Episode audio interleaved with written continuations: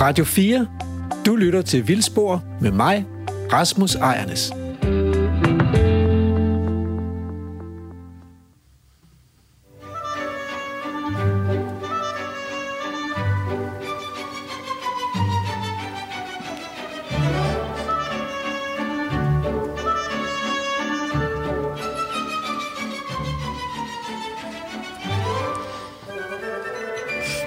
Bliver du opstillet?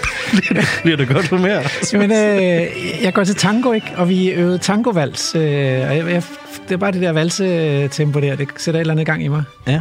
Kan du høre, kan, kan du genkende det? Kan du høre, hvad det er? Ja, det er et, et kendt stykke musik, men ja. jeg, jeg, jeg, er jo ikke, jeg kan ikke de der klassikere på... Det er jo, det er jo, det er jo fugletema i dag. Ja. Og, og jeg var igennem mange forskellige stykker musik. Ja. Men øh, det endte med at blive The Thieving Magpie. Fordi jeg synes bare, Nu, det er sådan... den, det er den tyvagtige skade, simpelthen. Lige præcis. Jeg synes, det er sådan et fantastisk stykke musik, øh, som jeg lærte at kende igennem A Clockwork Orange, som er en film, jeg holder meget af, men som også er meget, meget voldsom. Ikke? Det var Men, en af de mest modbydelige film, jeg så i gymnasiet. Ja, men den, er, den er meget ubehagelig. Ja. Men den har det her fantastiske stykke musik, som jeg lærte at kende gennem den film. Altså, der findes jo mennesker, som er bange for fugle. Ja. Det, Hitchcock spillede på det i, i, i Gyseren Fuglene. En, en anden ubehagelig film også. Ja, ja. Af en helt anden karakter på en eller anden måde, men, men er du bange for fugle? Nej, overhovedet ikke. Jeg synes, ja, altså, de, jeg synes, de er fantastiske at kigge på. Jeg er nok, jeg er nok ikke lige så øh, øh, altså, Nej. op og køre som, som Emil øh, er, men, men øh, jeg synes, at de er spændende. Øh, ja, jeg blev faktisk bange for en fugl i forgårs, men det er fordi, at vi har sådan holdt svaner, der er rykket ind i vores øh, tæt lav bebyggelse i Hjortshøj, og, øh, og så- svanefar, jeg skulle lige ned ad trappen, jeg tænkte, jeg kan godt lige ryste et par æbler ned til dem, når nu de ligesom har spist alle æblerne, og der hænger flere op på træet og sådan noget. Men da jeg så forsøgte at nærme mig for at komme hen til træet, så væsede han bare af mig, så rykkede jeg altså tilbage. Ja. Men det er jo respekt for naturen, Ja. ikke? Ja. Vi har jo tidligere i Vildsborg beskæftiget os med, med, med fugle, ikke? Ringmærkning ved, ringmærkning ved Brabrand Sø, kravejagt, fuglens, fugles intelligens og evolution, og med naturkærlighed og fuglekiggeri hjemme hos Morten D.D. i nede. Men i dag, der så skal vi til Vestjylland, øh, nærmere bestemt Blåvand Fuglestation. Og øh, det, det er på den her tid, øh, hvor de sidste fugle trækker sydpå, og vi skal høre, hvad der så får mennesker til at valgfarte til landets øde egne for at følge fuglene på vej. Og her i studiet, der får jeg besøg af Kevin Kuhlmann Clausen, som er en ung fugleforsker på Aarhus Universitet, der skal gøre os lidt klogere på, hvad vi kan lære af fuglene. Og så er det jo også lidt spændende at se, om der er en, en art, der ringer ind til naturtelefonen. Den står nemlig åben. Og det er jo ikke alle, der forstår naturtelefonen. Men øh, Hvad, hvad tænker du på? Jamen, ja, altså, der er jo nogen, der tror, at det egentlig bare er øh, sådan noget dilettant komedie. Men det er det jo ikke. Det er jo, det er jo alvorligt ment. Ja, det er arterne, der ringer ind, som har noget, de gerne. De har noget på hjerte, ikke? Præcis. Ja. Fordi i en verden styret af interessenter for snart sagt alting, idrætsforeninger, spejdere, snapsebryggere, ældresagen, ornitologer, dressurrytter osv., der har vi altså her på programmet besluttet os for at oprette en talerstol for de vilde dyr, planter og svampe, så de også kan komme til ord. Det er der brug for, hvis vi mennesker øh, skal have løst biodiversitetskrisen. Så må vi også forstå øh, verden fra de andres perspektiv. Men først skal vi afsted på reportage med Emil, som besøger Bent Jacobsen, leder af Blåvand Fuglestation.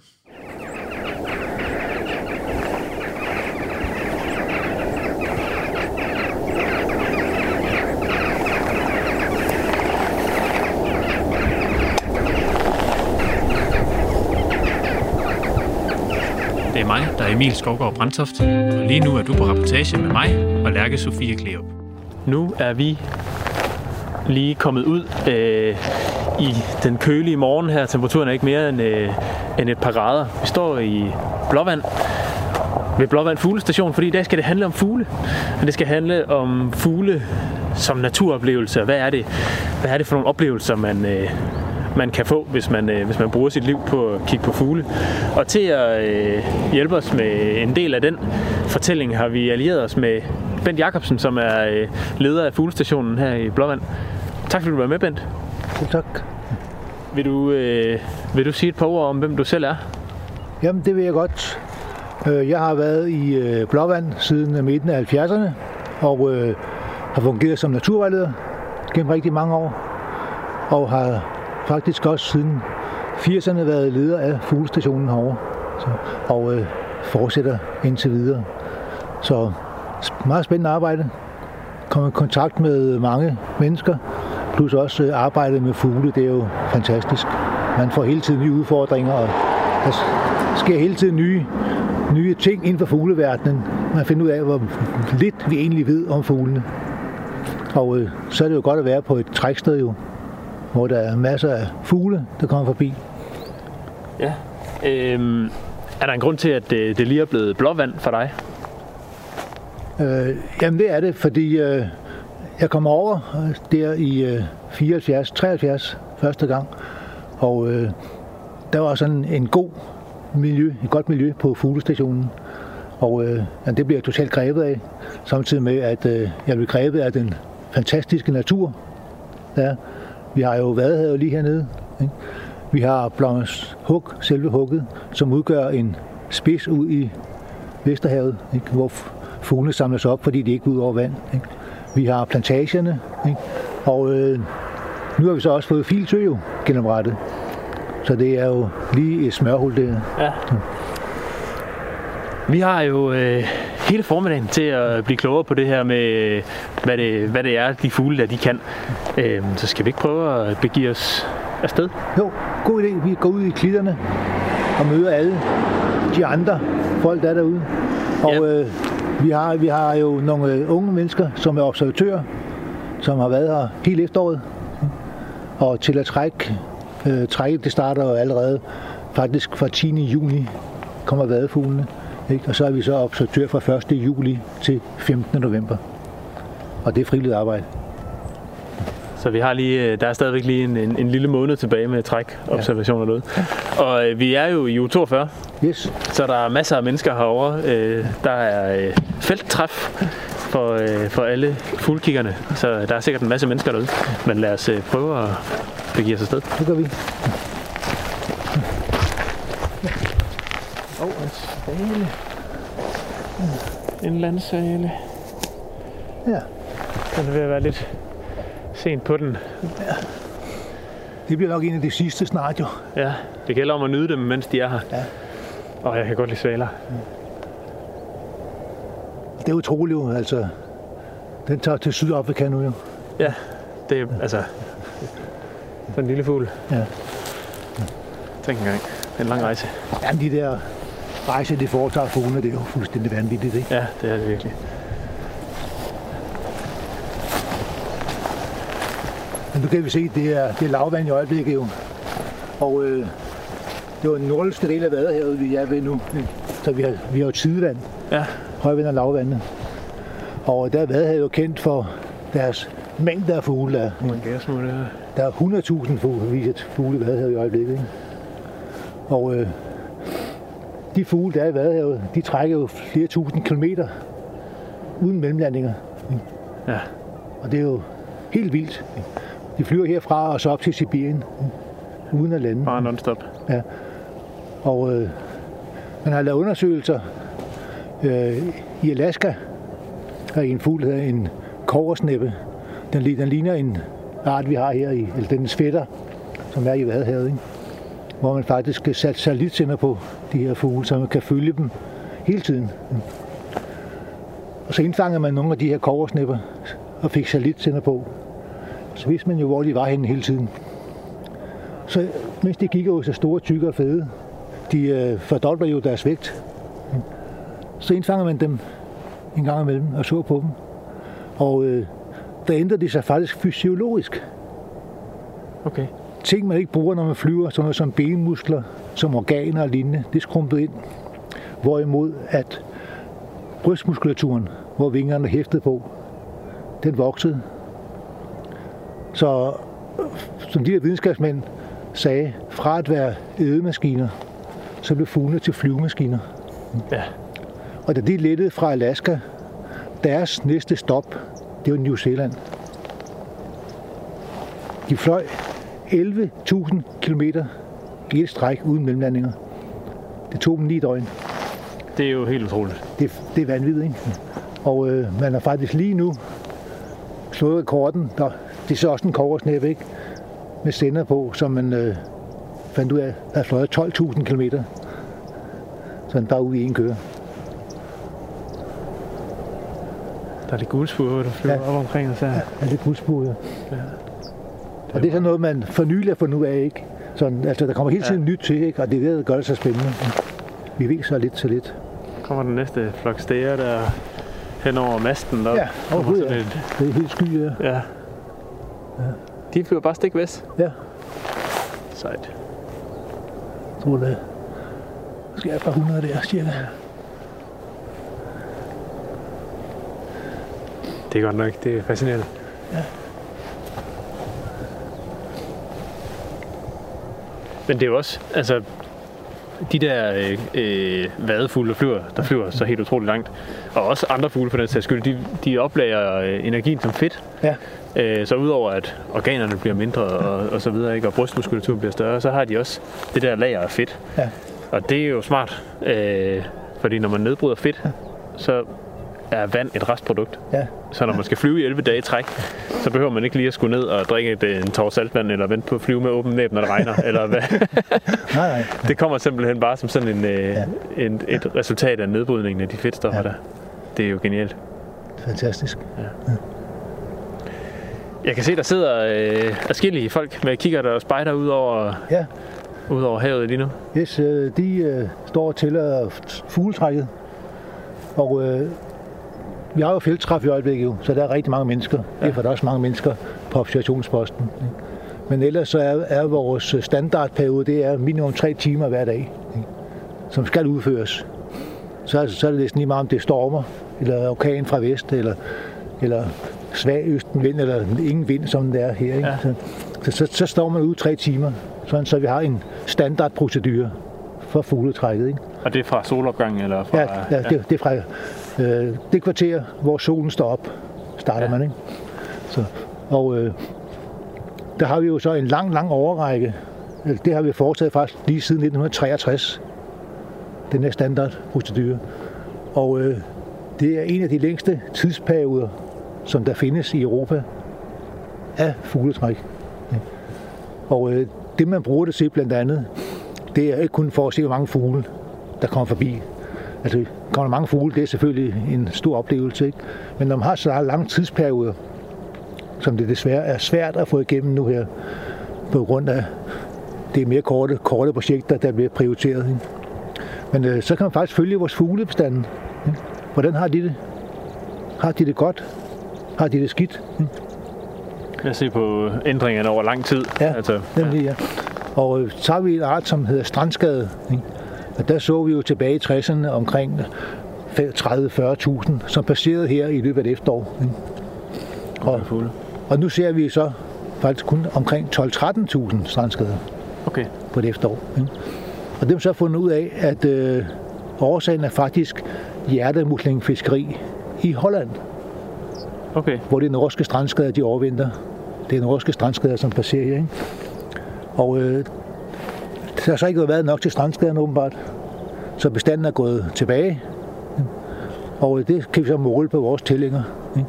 sådan bestanden er gået tilbage. Ja. Ja. Nu har man faktisk stoppet hjertemuslingfiskeriet i Holland. Og allerede nu kan vi se, at der er en lille stigning i antallet igen. Så man kan håbe, at strandskaderne de, øh, kommer tilbage til fordums styrke. Ja, Det er jo en smuk fugl, en strandskade. Ja, for så. Sort og hvid og med det der lange røde næb. ja. Tjaldur Tjaldur. på ja. færøerne, ikke?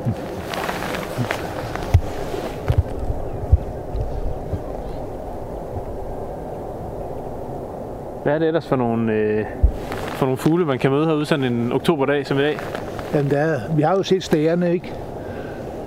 Øh, så vil der sandsynligvis komme nogle, nogle finker, boger, kvækkerfinker. Der vil komme alliger og roer, der vil stære heroppe igen.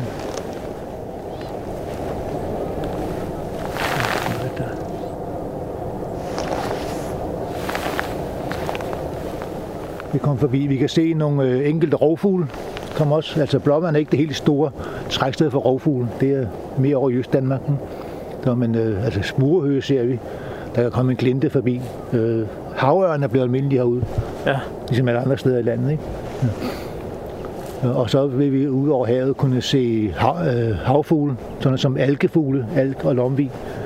De sidste par dage har der også været søkonge, Okay, som kommer helt op fra Svalbard ja. og Grønland, ikke? De der små, små, fine øh, algefugle der. Ja, på størrelse med en stær, ikke? Ja. Og suler måske. Sule også, ja. Ja.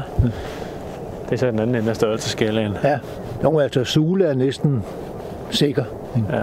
Den er blevet rimelig, rimelig almindelig. Meget mere almindelig, end den var tilbage i, i øh, 70'erne.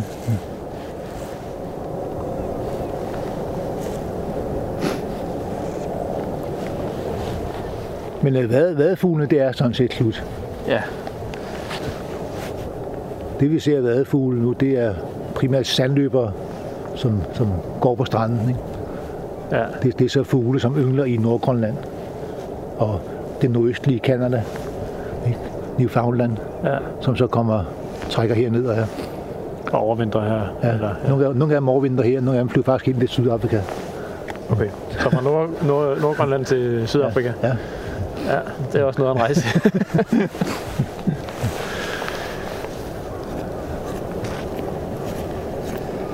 ja, det går nok fint. Morgen. Morgen. Og der, øh, der har vi jo også havternen jo, som, som flyver længst af alle fugle. Og der har man, der har man vidst via dansk ringmærkning, at øh, havternerne de fløj ned til Antarktis. Og ned syd for Australien, der har man et genfund af en dansk havtern. Et gammelt genfund. Og som altid sagt, jamen, øh, de flyver 30-35.000 km om året. Ikke? De flyver derned, og kommer herop igen. Men så er den nye udvikling i ringmærkning af fugle. Man kan sætte små tags på dem. ikke? Og øh, fuglene kommer jo tilbage til de samme yngleområder hvert år. Mm. Så hvis man sætter en tag på en fugl, og får den igen året efter samme sted, så kan man tage den tag af, og så kan man lægge den ind i en computer. Og det er der så målt faktisk dagslængder og alt muligt andet. Og på den måde, så kan man finde ud af, hvor har fuglen været henne på jordkloden. Ja. Og der har man så faktisk fundet ud af, med de der havterner op fra Nordgrønland, at øh, de flyver fra Nordgrønland ned gennem Atlanten. Men med, med, med de der tidsperioder, vi har snakket om, eller kilometer med 30-35.000 kilometer, det, det er den direkte vej. Ja. Men øh, det man så har fundet ud af ved hjælp af de der dat- datalogger, som det også hedder, ikke? det er jo, at de krydser ned gennem Atlanten. Så det er ikke bare en lige linje. Nej, de krydser ned igennem efter, hvor fourageringsområderne er gode. Ikke? Det vil sige, at de kan flyve her fra Europa over til USA, så kan de flyve til Afrika, så kan de flyve til Sydamerika, så flyver de til Antarktis, så flyver de over syd for Tasmanien, så flyver de tilbage igen, og så op igennem Atlanterhavet. ikke? Og øh, dem, man aflæste de der datalogger på, de er fløjet 72.000 km på et år. 72.000? Ja. Hold da op. Så. Det er godt nok... Øh, det, er, det, er, det er svært at forestille sig, hvor meget det er. Og, og så havtagerne bliver jo meget gamle. De yngler meget udsat. Ikke? Øh, de, de yngler jo i nærheden af vand. Er der storme, ikke? så kan redderne blive skyllet i vandet, eller ungerne. Er det meget koldt et år, så får de heller ikke unger på vingerne. Så når man har en lav reproduktion, så har man en lang levetid. Det gælder sådan set alle fugle. Ja. Så havtagerne bliver ret gamle. Man havde en ringmærket havtagerne her fra Danmark over ved Møn, som blev fundet på den tredje plads 30 år efter, at den var ringmærket. 30 år, det er, også, det er en høj alder for en fugl. Ja, så er der, så er der kun en gange 70.000 Ja. på 30. det er jo nogle kilometer. Det er et meget stort tal. det er millioner af kilometer, ikke? Og det vil sige, øh, hvor mange gange har den fløjet op til månen og tilbage igen, ikke? ja. Sådan set, hvis vi tager den Ja, vej. ja. Der er en gravfugl der. Og havternerne, dem, øh, de passerer også forbi Blåvandsuk. Ja, det gør det, ja. Men det er så tidligere på året. Det er i juli måned og august, ikke? Ja. Det er jo noget af det, som, som jeg synes er helt fantastisk. Altså, vi så også den sidste, måske årets sidste landsvale lige før, ikke, som Ja. ja. skal til Sydafrika. Og, og noget af det, som, som virkelig betyder noget for mig med fugletrækket, det, det er det der med at, at være vidne til sådan en lille bitte del af den der helt utrolige rejse, de skal på. Ja. Og få lov til at, øh, at se det udspille sig, det synes jeg bare er fantastisk. Ja, det er, Det er helt vildt. ja, man bliver dybt imponeret hver gang, Ja, det er sådan lidt, øh, man ser det der. Ikke? Sådan lidt ærefrygt indgydende Ja. på en eller anden Ja. måde. Altså, når vi ringmærker fuglen her ved Blåvand, øh, så blandt andet nogle der tornsanger, de yngler i området. Ikke? Og øh, man, man ved sådan set, at de overvinter i Afrika, syd for ekvator. Ikke? Og så er det meget ofte med nogle af de der fugle, vi har ringmærket, tornsanger, gæresanger og lignende, de kommer tilbage igen til samme område, til Blåvand. Og så tager man fuglen ud af nettet, ikke? og så kigger man på ringen, siger, det aflæser nummeret, så kommer ind i databasen og siger, hov, den ringmærker jeg sidste år, Den samme fugl. den samme fugl, ikke? Og så står man og tænker, kunne du ikke lige fortælle en historie Hvad har du oplevet? om, hvordan det var i Afrika? ikke? Ja. Ja, altså tænk, Det- hvis de kunne fortælle videre, hvad det er, de oplever på rejsen. Og øh, det er, jo, det er jo små fugle på omkring 12-14 gram, Ja. ikke, der tager det. Der, der er en af mine yndlingshistorier. Det er også en fugl, som hedder en guldbu, som overvinder syd for ekvator faktisk. Og den øh, vejer omkring 15 gram, alt i alt. Ikke? Mm. Øh, jeg ringmærkede den den øh, 31. maj 1984. Sidste gang, jeg genfangede den, det var den 28. maj 1991. Syv år efter. 15 gram Så den har taget turen. herfra, syd for ekvator, tilbage igen. Minimum syv år. Ja. ja, det er fascinerende. Men øh, så skal det også siges, altså det hører til sjældenhederne. Altså småfugle har ikke ret lang levealder. Man regner med omkring 80 procent af et års ungeproduktion, de går til under trækket. Ja. Blandt andet ud over havet, som vi står og kigger ud over. Ikke? Der er drukner millioner af fugle ud over haven. Ikke? Ja, Man regner med, at i Sydeuropa bliver der indfanget 160 millioner fugle om året. den skovsnæppe, der kom ind der. Hold det. tror jeg. Jeg så godt lige et eller andet. Ja. Så. Godmorgen. Hvad fanden, det er jo Ben. Ja, dag Jens. Jeg skal ikke lige... Ja, det er det jo. Jens har kigget meget på fugle med i. Ja, der, jeg skal ikke øh, blande mig i det her, tror jeg. det. Det er helt Vi snakkes lidt senere, Ben. Ja, ja. ja. Ja, men det, er- det er fascinerende med de der, altså, de der ture ud over, øh, ud over åbent hav. Jeg sad ja. selv for et par år siden ved Fornes på den anden side af... Det er Henrik. Det er Øh, en af dem, der er med til at lave feltrappet. Ja.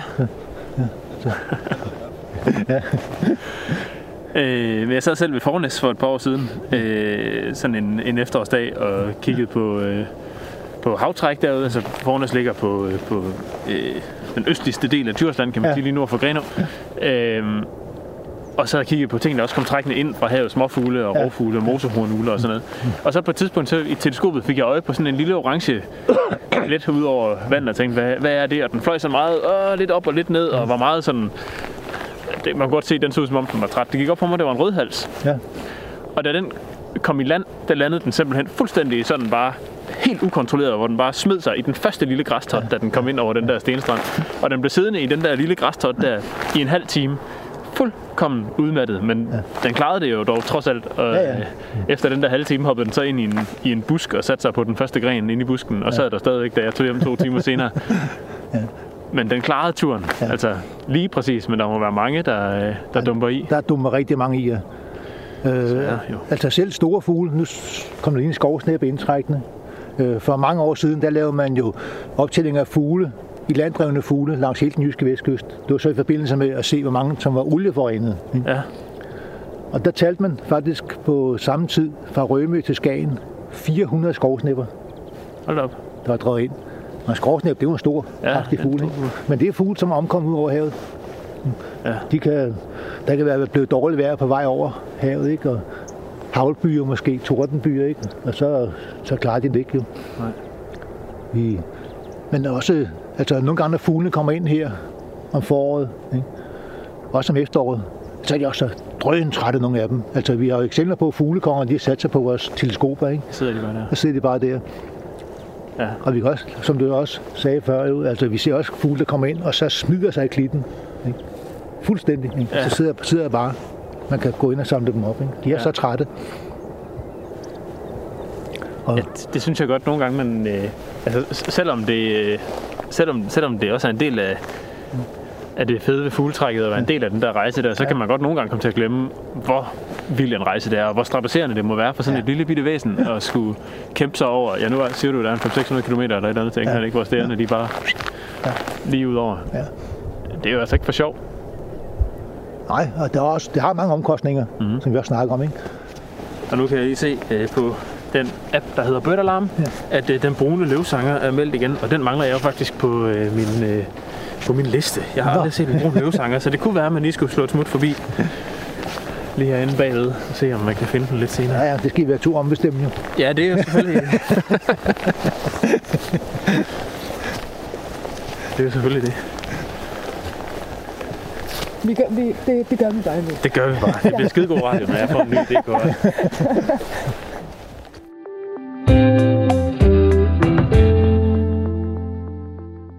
Så er vi tilbage i studiet, hvor jeg har fået besøg af forsker Kevin Kuhlmann Clausen. Og velkommen. Mange tak. Du forsker på Aarhus Universitet, og du forsker i fugle. Men hvorfor fugle? Ja, det, er- det er et godt spørgsmål. Jeg tror, mange af os ved ikke helt, hvorfor vi lander på den hylde, vi, vi, vi er endt på, men, men fugle har altid fyldt meget for mig, siden jeg var helt lille, så det var naturligt, at der kom et, et valg i biologistudiet om, hvilken retning jeg skulle gå i, at jeg så trak i den retning. Og du har garanteret været på Blåvand Fuglstation. Ja, det har jeg da. Ja, altså jo ikke som, som ringmærker, men jeg har været på besøg på Lovand Fuglestation flere gange. Øh, Og den første gang var nok i virkeligheden noget af det, som, som satte retningen for mig rent naturmæssigt. Det var i forbindelse med et, øh, et udviklingsforløb, som vores klasselærer på daværende tidspunkt, jeg har nok gået i 4. og 5. klasse, tænker jeg. Mm.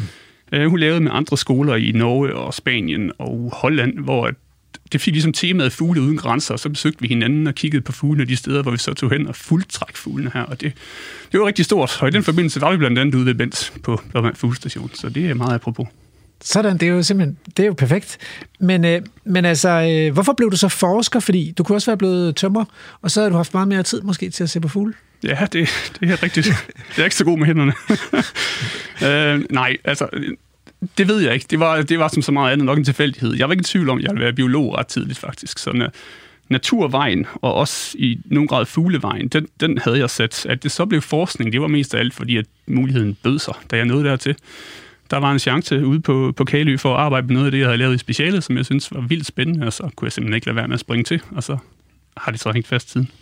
Så det der ude på Kalø, hvad er det for et sted, og hvorfor er det noget særligt? Ja, altså ude på Kalø, jamen det er jo, i dag er det jo Aarhus Universitet. Da jeg kom der først, der var det jo Danmarks Miljøundersøgelser. Men det var ligesom det sted, jeg i løbet af min studie kunne finde noget, der omhandlede fugle. Det var der ikke ret meget af tilbage inde i, i det, vi kalder 8000 øh, Aarhus Universitetet. Mm. Så jeg søgte derud, så snart jeg kunne, i løbet af min bachelor, allerede med et bachelorprojekt, for ligesom at få, få berøring med fuglene, og så er det så den retning, jeg er blevet ved med at gå. Og, og faktisk før det var Danmarks Miljøundersøgelser, ikke? Kalø, så var det jo vildt biologisk station. Ja, det er korrekt. Øh, og, og det ved jeg, fordi jeg arbejder der også. Så hvis vi står også lidt og, og, og, og smiler indforstået til hinanden her. Men, øh, øh, men, men det er jo meget skægt, ikke, at hvis man i Danmark vil studere fugle og pattedyr, eller pels og fjer, øh, så er det ligesom stedet stadigvæk at gå til, i hvert fald hvis det foregår op på land. Og, øh, øh, og den, men den der vildbiologiske station, det var jo sådan noget med forskning i det jagtbare vildt. Så det var jo ting, man kunne, man kunne skyde på, og, og som så skulle forvaltes for, at vi kunne sikre, at der var bæredygtig jagt og sådan noget. Mm-hmm. Hvordan kan det være, at det, at det, at det ligesom var, at, at de der store dyr i vores natur, de kom den vej ind? Har du tænkt på det? Altså, at det ligesom var, var ting, man kunne skyde på, eller var jægernes, der var indgang til det? Det er et godt spørgsmål. Tror du ikke, det er sådan så meget andet sådan en, en, et udtryk for nyttetænkning i befolkningen, at man starter med at kigge på de arter, man som, som mennesker kunne få noget ud af i sin tid, og så har vi så efterhånden heldigvis måske bredt os til at have et lidt bredere perspektiv. Mm. Så vi ikke kun kigger på, hvor meget vi kan, vi kan få med hjem i tasken, men også hvad vi ellers kan gøre for dem. Går du selv på jagt? Ja. Øh, hvad skyder du? Jeg skyder meget lidt efterhånden. Jeg, jeg gik en del på jagt i mine teenageår, inspireret af min far og min, min bedste far, men øh, i, efterhånden bliver det til det årlige rådyr, og måske et par ting ved siden af, mm. og det er cirka det. Går du på fuglekiggerjagt? Altså, er du sådan en, der samler på krydser? Det, jeg samler på krydser, ved jeg. Jeg kigger rigtig meget fugle, men det, det er jo et, øh, et bredt, bredt begreb. Der findes mange former for fuglekigning. Det synes jeg også, vi bør vende øh, på et tidspunkt. Øh, men ja, jeg kigger meget fugle. Jeg samler ikke specielt meget på krydser, andet end dem, jeg kan samle derhjemme. Det er min ting. Kunne du finde på at tage en taxa til Saltholm, hvis der var et eller andet, du manglede der? Pludselig? Nej. Nej, så, så er det i hvert fald så er det Men jeg kender mange, der kunne, så det er okay. ikke så fjernt. Har du en yndlingsfugl? Øh, hvis jeg skal nævne en, så bliver det rødstjerten derhjemme, som hopper rundt om huset. Den er simpelthen så fin. Okay, jeg tror, at min det er rødhals. Så, men den synger simpelthen så smukt. Jeg Det er er helt færdig med rødhals. Øh, det, vi skal snakke mere om fugle, og også om, hvad, hvad din forskning går ud på, og hvad du har fundet ud af i din forskning, og hvad man egentlig kan blive klog af, når man, når man kigger på fugle. Men, øh, men det. først, så, øh, så skal vi ud på reportage igen. Vi skal tilbage til Blåvand og se, om de har fundet nogle spændende fugle. Det er mig, der er Emil Skovgaard Brandtoft. Og lige nu er du på reportage med mig og Lærke Sofie Kleo.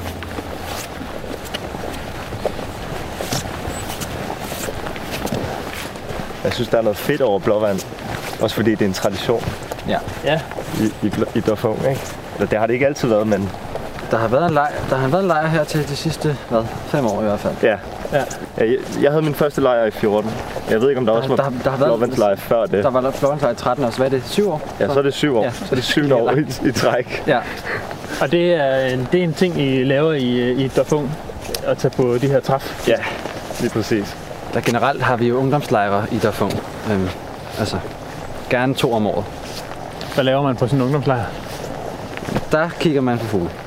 En hel masse. Øh, Ja, så, så- vi, så vi bor man? i, ja, vi bor i, i huse og, og hygger os, og vi kender jo, de fleste kender hinanden i forvejen, Ja. så men der er også altid nye med. Især på den her lejr har ja. Der faktisk været mange nye med. Fire nye. der er en del nye med.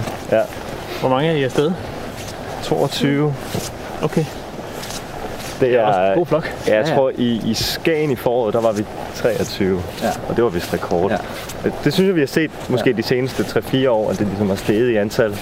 Da jeg var der i, i 14, der tror jeg, vi var 12. Eller Ja, sådan noget. Der kommer er- flere og flere. Det er virkelig Ja. dejligt. Det er jo fedt. Det er Ja. mega fedt. Der er større interesse for det, og det folk får øjnene op for, hvor hyggeligt og fedt det egentlig er. Ja. Hvad, hvad er det, der er fedt ved at være på sådan en... Hvad er det, der er fedt? Altså det, det, jeg synes, der er virkelig fedt. Nu har vi en tradition med, at vi cykler rundt. Ja. Og sådan har det ikke, jeg tror ikke altid, det har været sådan en, en, en, en regel. Nej, men, men det er det det er blevet. blevet. Det er blevet en udskrevet regel. Vi cykler. Der er cykler. Ja. Og vi kører selv helt ned i løbet af ugen og kører 40 km Ja. om dagen. Og, Det er lidt, det er lidt sådan fuglenes Roskilde. Ja. Altså sådan en sådan, sådan nu 42. Det er det lidt. Altså Ja. man tonser rundt, og man får meget sent i seng, står meget tidligt op, spiser utrolig meget junk food. Altså det er sådan lidt, det er lidt, det er lidt på den måde, men det er mega fedt, fordi man bare får så, altså man får et kæmpe overload af oplevelser, ikke? Ja. Der sker så mega meget på sådan en tur. Ja, der er altid så mange oplevelser at tage med hjem i bagagen, og ja, man kommer meget mere, altså man kommer tættere på hinanden i løbet af ugen, og, og, Ja. og får nye historier, og ja, er bare helt færdig, når man kommer hjem, og helt midt på, ja. på oplevelser. Det lyder som en hård omgang, faktisk. Det er det også. Men hvordan, øh, hvordan udspiller sådan en dag sig på øh, sådan en lejr? Det er meget forskelligt, fordi at, altså, der er nogen, der, der, er, der er forskellige interesser, der er forskellige måder at se på fugle på i Dorfung. Det er også det fede, at der er ligesom plads til, at, at, at Ja. man kan gøre, hvad man vil. Altså, vi laver tit, altså man er altid sammen med nogen, men det, man finder ligesom altid nogen, som gider lave det samme som en. Ja. Altså, om det er nogen ved i tipmosen, nogen vil ud på hugget og kigge, ja. nogen vil gerne sove lidt længere, og måske bare luske rundt i nogle sommerhusområder. Det er sådan lidt humørbaseret. Ja. Ja. Men ofte så ringer vækket klokken 6, og så snuser man til kvart over 6. Og så er der P2 hele morgenen. Ja, så, ja. Der er, meget stor tradition, der er meget stor tradition for morgenmusik i Dorfung. ja, Og det er også lidt stemningsbaseret, hvad man nu føler for. Vi har hørt P2 her til morgen. Noget hæftig opera. Ja. Mange kører, mange kører DAC. ja vi, har, vi har hørt dag til morgen. Ja. Vi har fire ja, gymnasiedrenge i vores, i vores hytte, så det det, det står på. Ja. Nå, men de i hvert fald, de drenge i min hytte, de, er, de vil rigtig gerne ud og kratluske. Så de, øh, de er taget i tipmosen, og de skal ud og prøve at finde et, øh, et hit ude i tipmosen. Ja. Øh, og det er ligesom, det er meget deres måde at gøre det på. De har ikke lyst til rigtig at stå på hugget. Øh, så de cykler i tipmosen, det er, tror jeg, en 6. Så galt ligger det Åh ja, hold da. Gud. What? 300, 400 stykker. Okay, det var ret godt estimeret, synes jeg. Det skal nok. Får vi lige en fin tælling? Nej. det er ikke det. Det ser vildt ud. Nu kommer de lige lidt rundt op. Det skal de finde ud af. Nu er der vand alle steder. Hvad gør vi? Det ligner nærmest der, altså. Nej, det ser vildt ud. Det er nogle gange til helt vanvittigt med alt det gør. Og deroppe. Jeg står og kigger deroppe, du kan godt se. Ej, crazy. Det er bare sådan en langsom udgave af sort sol. Ja. Det er faktisk Mini Mini større flok end, end de fleste sådan, større flok, vi har set. Ja, så det er Fedt. Og de er også langt væk. Shit, der er mange. Øh. Gusk. Ja. Ej, det var fint, hva'? Ja. Men jeg kan uddybe det her kratluske. Det må du meget gerne. Kratlusk. Hvad, hvad, den korte definition. Gå måske 20 km på en dag. Kig ind i hvert krat. Måske bare stå på flad fod og bare stå og vente på at se noget bevægelse. Og hvis man ser noget bevægelse, hurtigt løft kigger den. Prøv at få fuglen bestemt. Fordi der kan sidde et krat med altså fuglen. Øh, Hvad, hvad, er det, der, hvad er det, der gør, at det er fuglen? Her i Ja. uge 42 vil man jo rigtig gerne finde noget, der er sjældent. ja. Det er lidt en ting, at, her, altså, at va- hele Vadehavnsområdet, her i uge 42 og generelt i september-oktober, det er mega godt til at finde noget sjældent. Ja. Fordi der kommer, der er chancer for, at der, altså, der er jo fuld træk på alle, også alle de almindelige arter, som vi også har set her til morgen. Øh, men så er der helt pas- passage helt fra Sibirien, så der kan komme alle mulige små, mærkelige... Ja. Blåstjert, det kunne være fuglkongsanger, det kunne være brun løvsanger, det kunne være svart løvsanger. Det kunne være, at man kan blive ved. Rødtoppet fuglkonge. Det er generelt om efteråret, det er meget med at stå og kigge ind i en busk efter en lille grøn eller brun fugl. Ja. I rigtig mange timer. Det er ret fedt. Når du, når du siger det på den måde, så lyder det sådan en lille smule. Jeg står og kigger ind i Ja, busken. det lyder nemlig virkelig Ja. kedeligt, men det er jo altså, det er, det er, altid, det er en blanding af sådan ren nat, altså, naturinteresse, ikke? Altså, at lige meget hvor man er, så, er der, så altså, får man noget natur, og man står i naturen, og der er en anden fascination af det generelt hos os alle sammen, tror jeg. Og så er der... Jeg er virkelig glad, når man ser den. Ja, fordi der er sådan en lille smule sådan samlergen over det, ikke? Og ikke, at det skal lyde som om, at man samler på fugle, men der er jo et eller andet med at, at se det der, og den der, den der oplevelse med at se noget, som man ikke havde regnet med. Det er en skattejagt.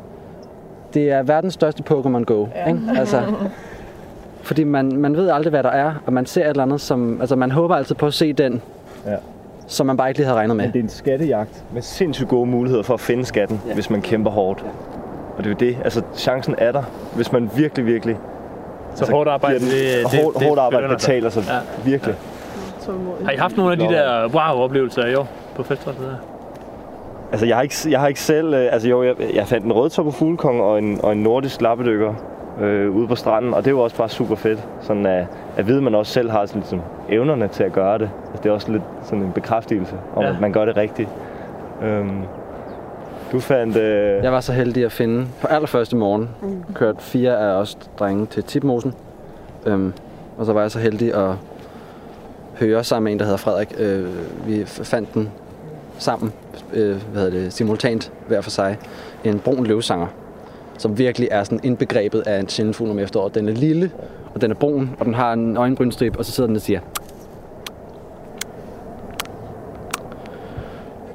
Men, og det, det kan lyde kedeligt, men det er det bare ikke. Og det er svært at forklare hvorfor, men det er det ikke, fordi den er, den man havde ikke regnet med, at den var der. Det var en kæmpe overraskelse, at den pludselig var der.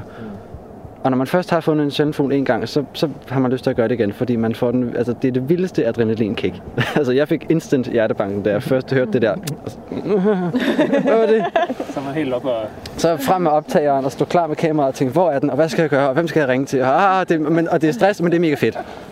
Det er den gode stress. Det er den helt gode stress. Det er totalt, ja. Ja, helt god stress. Det er noget, man kan gå og glæde sig til i løbet af hele året, ikke? Fordi at det er jo nu, det er lige nu, det sker. Og- Og sådan er det jo ikke. Altså, så snart vi kommer ind i, i december, så er det, Så er det helt slut, og altså, så skal vi helt hen i, april, maj, ikke? Før at, så er det ligesom foråret, hvor det gælder, ikke? Men, så. Så det er også... Det, det er jo også tid, fordi det er jo en hobby for os. Det er jo ikke, det er jo ikke noget, vi laver hele tiden. Altså, det er jo... Jeg har fuldtidsstudie, ikke? Og ja. det er jo bare at gøre det, mens man kan og har tid. Ja, det er jo det. det, er det. Men det er simpelthen den der jagt på det sjældne. Jeg vil eller sige, det er, det er den ene side af det. Den anden ting er, er virkelig det sociale. Det synes jeg, at det er det, der, det, er det Dofung bygger på. Vi har et sindssygt godt socialt samvær. Vi kender hinanden, og vi er rigtig gode venner, og, men vi tager også nye til og, og lærer dem at kende. Og, ja, det er, bare en, det er en fed følelse også for mig, sådan at, at kunne give nogle oplevelser til nogle nye, og få dem til at mærke, hvad, hvad er det, vi synes er fedt. Ja. Og se glæden i deres øjne, og, og, og forhåbentlig ligesom give, give en hobby videre, og nogle oplevelser videre, og ja. Er der, er der nogen af jer, nu er vi jo øh, lige øh, uden for Blåvand Fuglestation, er der nogen af jer, der har været på fuglestationer?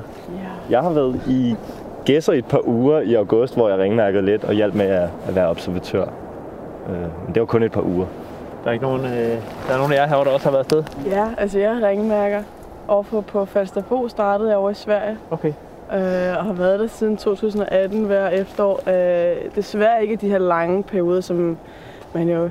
Ja, det ville jeg rigtig gerne have sådan en øh, hel, hel sæson. ikke? Men jeg har været der i to ugers varighed, hister her. Og på Gæsser har jeg også været, og Skagen. Men, øh, men mest Falsterbo. Det er bare fedt. Det er det samme. Det er det der sammenhold og hygge. Og så det er bare, altså, det er fedt, at man, øh, man kan bruge. Øh, altså, du får lige, så du kan altså, til dagen og vejen, ikke? og så øh, er det bare rutinen. Og ja, stå op med solen, gå i seng med, ja, når den går ned. Og, Hvorfor det er er, skønt. det, hvorfor er det lige blevet fuglene? Kunne det ikke lige så godt have været frimærker eller noget andet? Jo, men det, det kunne det sikkert ja. godt. Altså, det er også lidt ligesom jeg... Øh, ja. Over stranden der, mod højre. Helvede, du Lige skal der. til den der. ja. Ja, ja, fint. Ja. Du har kaldt alle bjerglakkerne i dag, Philip. Ja, sådan. Ja, ja, du har, du har, Ja, du har vildt kaldt alle bjerglærker, der kommer Det er vildt. Det er ret fedt. Ja. Skarpt. Men hvorfor er det blevet fugle? Altså, det Ja. tror jeg, fordi vi alle sammen har en eller anden generel naturinteresse. Ja, det altså, vi, altså alle, jeg tænker, at vi alle sammen har været fascineret af fugle, på, Ja. eller, eller natur på en eller anden måde. Ikke? Alle Og synes, det har været fedt at gå rundt i gummistøvler, da man var lille. Og, ja. Ja. altså, den første historie, jeg har fået fortalt om mig selv, var, at jeg prøvede at vælte en gravsten, fordi jeg gerne ville finde øh, bænkebider ned under den. så, så, så, et eller andet. Ja. så det der, med, altså, det der med naturen er fed, ikke? Jo. Og så med fugle, der kan man få det hele. Man, mm. altså, de store oplevelser og... De er overalt, jo. Det er jo de, det, der ja, er... det er også, ja, de har vinger. De har vinger. Man kan de finde dem overalt. alle vejen, og de kan dukke op alle vejen. Ja. Det er jo det. Og selv almindelige fugle er fede at kigge på, hvis det er en god opsigt, hvis de er tæt på, eller det kan være alt muligt, hvis den lige fanger et eller andet, eller hvad ved jeg. Jo, og netop det med, altså det er ikke, altså, som du sagde, jagten på det sjældne, men det er jo ikke nødvendigvis, altså, at man kun vil gå rundt og finde sjældne arter, fordi altså, det, er, jo- det er man bare den kigger jo der, også på fugle i december måned, for eksempel, Ja, man hvor gør. der ikke er træk. Altså, det, er, jo- det er jo bare den der skattejagt med, at lige meget, næsten lige meget med, hvornår man går uden for døren, så, altså, hvis man lige har naturbrillen på, så får man en eller anden fed oplevelse. Er det en? Det måske bjerglakken. Så er det bare, det, det er svært. Altså, man kan hele tiden forbedre sig, ikke? Det, jeg synes, det er en, virkelig en proces, det der ja. med at lære. En lang proces. Ja, og altså, Men hele tiden, havopse, at, hele tiden at det se er- en udvikling i sig selv og, og vide, at man, man bliver bedre. Og, ja, Ja. med de der små, ikke? Det lige, ja. ikke? Altså, det, er, Det er altså også virkelig fedt at være med som helt ny. Ja, Og så er det altså- jeg, har, jeg tror, jeg har set 50 nye arter. det er virkelig, virkelig hyggeligt. Ja. ja. Det har ikke været for overvældende. Men den accelererende Nej, det proces gør- også at være det sammen om det, og ja, at, at være ude sammen og, og diskutere tingene, og, og vi er ligesom alle sammen, vi er alle sammen lige. Mm. I og med, at der, der er ikke nogen, der ser ned på hinanden. Der er ikke nogen, der føler, at jeg er bare den bedste, og I skal ikke komme Ja, her. jeg kunne og, lige så godt finde en sjælden fugl, som at Fuldstændig. Ja. Ja. og der er så meget rum til at diskutere tingene og blive bedre, og man bliver også selv dygtigere af, at, hvad er det, der egentlig gør, at det er den fugl? Ja. Altså, hvad er det, der får mig til at tænke, om det er en bjerglærk, eller det er whatever. Ja. Ikke? Er det- Og det er jo sådan, man virkelig sådan rent faktisk Ja. får lov til at reflektere over. Ja. Det er sjovt at være ude med nogen, der ved meget. Ja. Så kan man virkelig lære sådan, Nå, det er sådan, den lyder. Okay. Ja. Så der er også noget, øh, der er også noget mesterlærer i det, Ja, der bliver ja, lært faktisk. videre. præcis, det er rigtigt ord. ja, Sådan er det. Jamen, jeg så godt, de er dernede. de er kraftet, ja. Det var jo lige øh, Cello-appen, hvor der Ja. blev meldt bjerglager. op igen. Dem, der flyver der. Det kommer lige her. Ja, de kommer her. Slet ikke noget fokus her. Det er fedt, ah.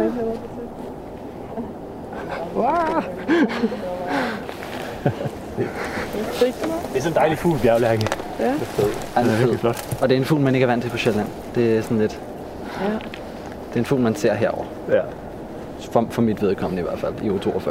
Der er det her, jeg får bjerglærker. Der må også være noget øh, altså, topmejse må også være en attraktion, når man kommer herover. Det er ret vildt at se. Og fyre, fyremejse, synes jeg også. så Ja. fyremejse. Fyremejse, Sindssygt kæmpe fedt. Ja.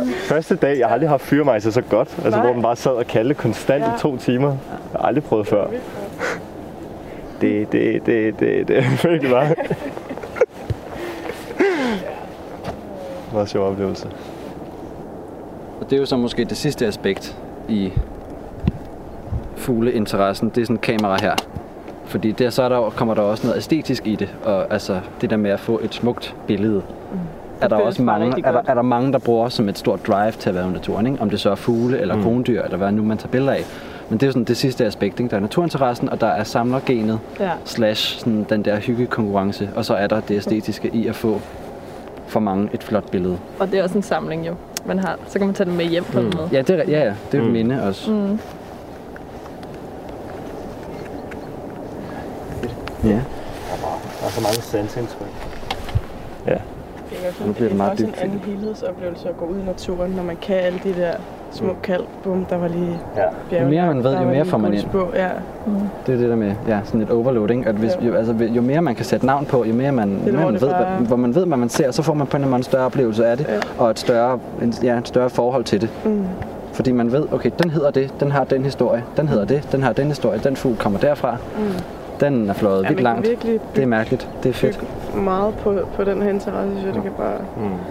Og så ringmærkning, det er jo en helt anden kunst, ikke? Eller jeg er virkelig også meget nørd med der aldersbestemmelse, og Ja. jeg skal komme efter det. Åh, ja. Jeg er ked af, at jeg øh, aldrig kom i gang med Dofung. Har du ikke været der Jeg har aldrig været Dofunger, og det piner mig. Når jeg hører jeres fortællinger, det er virkelig... øh, Jeg kom jo jeg også sent ned i det. Ja. Hvornår, hvornår startede du ja. sådan? Jamen, jeg startede, jeg startede... Jeg har egentlig altid kigget lidt på fugle. En af de første historier, jeg har fået fortalt om Ja. mig, var... Øh, øh, øh, jeg er født og opvokset i Skanderborg, tæt på Skanderborg Sø, og jeg havde sådan en pivdyr, som sagde! Når man trykkede på den. Og når jeg gjorde det, så sagde jeg blishøn indeni.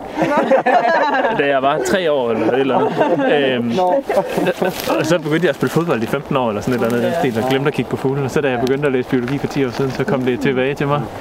Og nu kan jeg ikke lade være. Så- altså, og det er jo bare, altså det er jo lige præcis alle de der ting, I står og fortæller om, som også, som også er i det for mig. Ikke? Og jeg synes, det, det der med at få lov til at være en, en, en del af det, altså især trækket, synes jeg er mega fedt, og det der med at stå sådan en morgen, og fuglene bare vælter forbi. Ja. Det der med at få lov til at være en del af sådan en, af fuglenes rejse. Altså, mm. en af de oplevelser, der står allerklarest for mig, for et par år siden, hvor jeg stod øh, en morgen ude på sydspidsen af Æbeltoft-halvøen, og kiggede på fugle, og så fik jeg øje på en digesvale, som kom forbi, og den kom simpelthen helt ind på jamen, 2-3 meters afstand eller sådan noget, lige samtidig med, at solen lige ramte dens øje, så det lige glimtede, og det, vi havde lige øjenkontakt i sådan et splitsekund, og så var den videre. Og det havde jeg virkelig sådan en følelse af at få lov til at være en, en del af den rejse, den er på. Altså en lille bitte splitsekund, hvor vi lige delte et øjeblik, og så er den videre. Det var ret vildt, faktisk. Det bliver meget, ja, det bliver meget ligegyldigt at være menneske på en ret fed måde, når man er ude i naturen. Det fede ved det, det er bare at være observatør. Ja. Det, det udspiller sig uanset om jeg er der eller ej. Ja. Og hvis jeg har tid, så kan jeg bare sidde og se på det og nyde det. Altså, Mm. man bliver lille og ubetydelig, når fugletrækket bevæger sig forbi. Det er storslået. Det var fedt at høre fra jer. Ja. Og høre, hvad det er, der, der driver værket for, øh, for sådan nogle unge fuglekiger. Tak fordi I ville være med. Fedt at dele det også. Ja.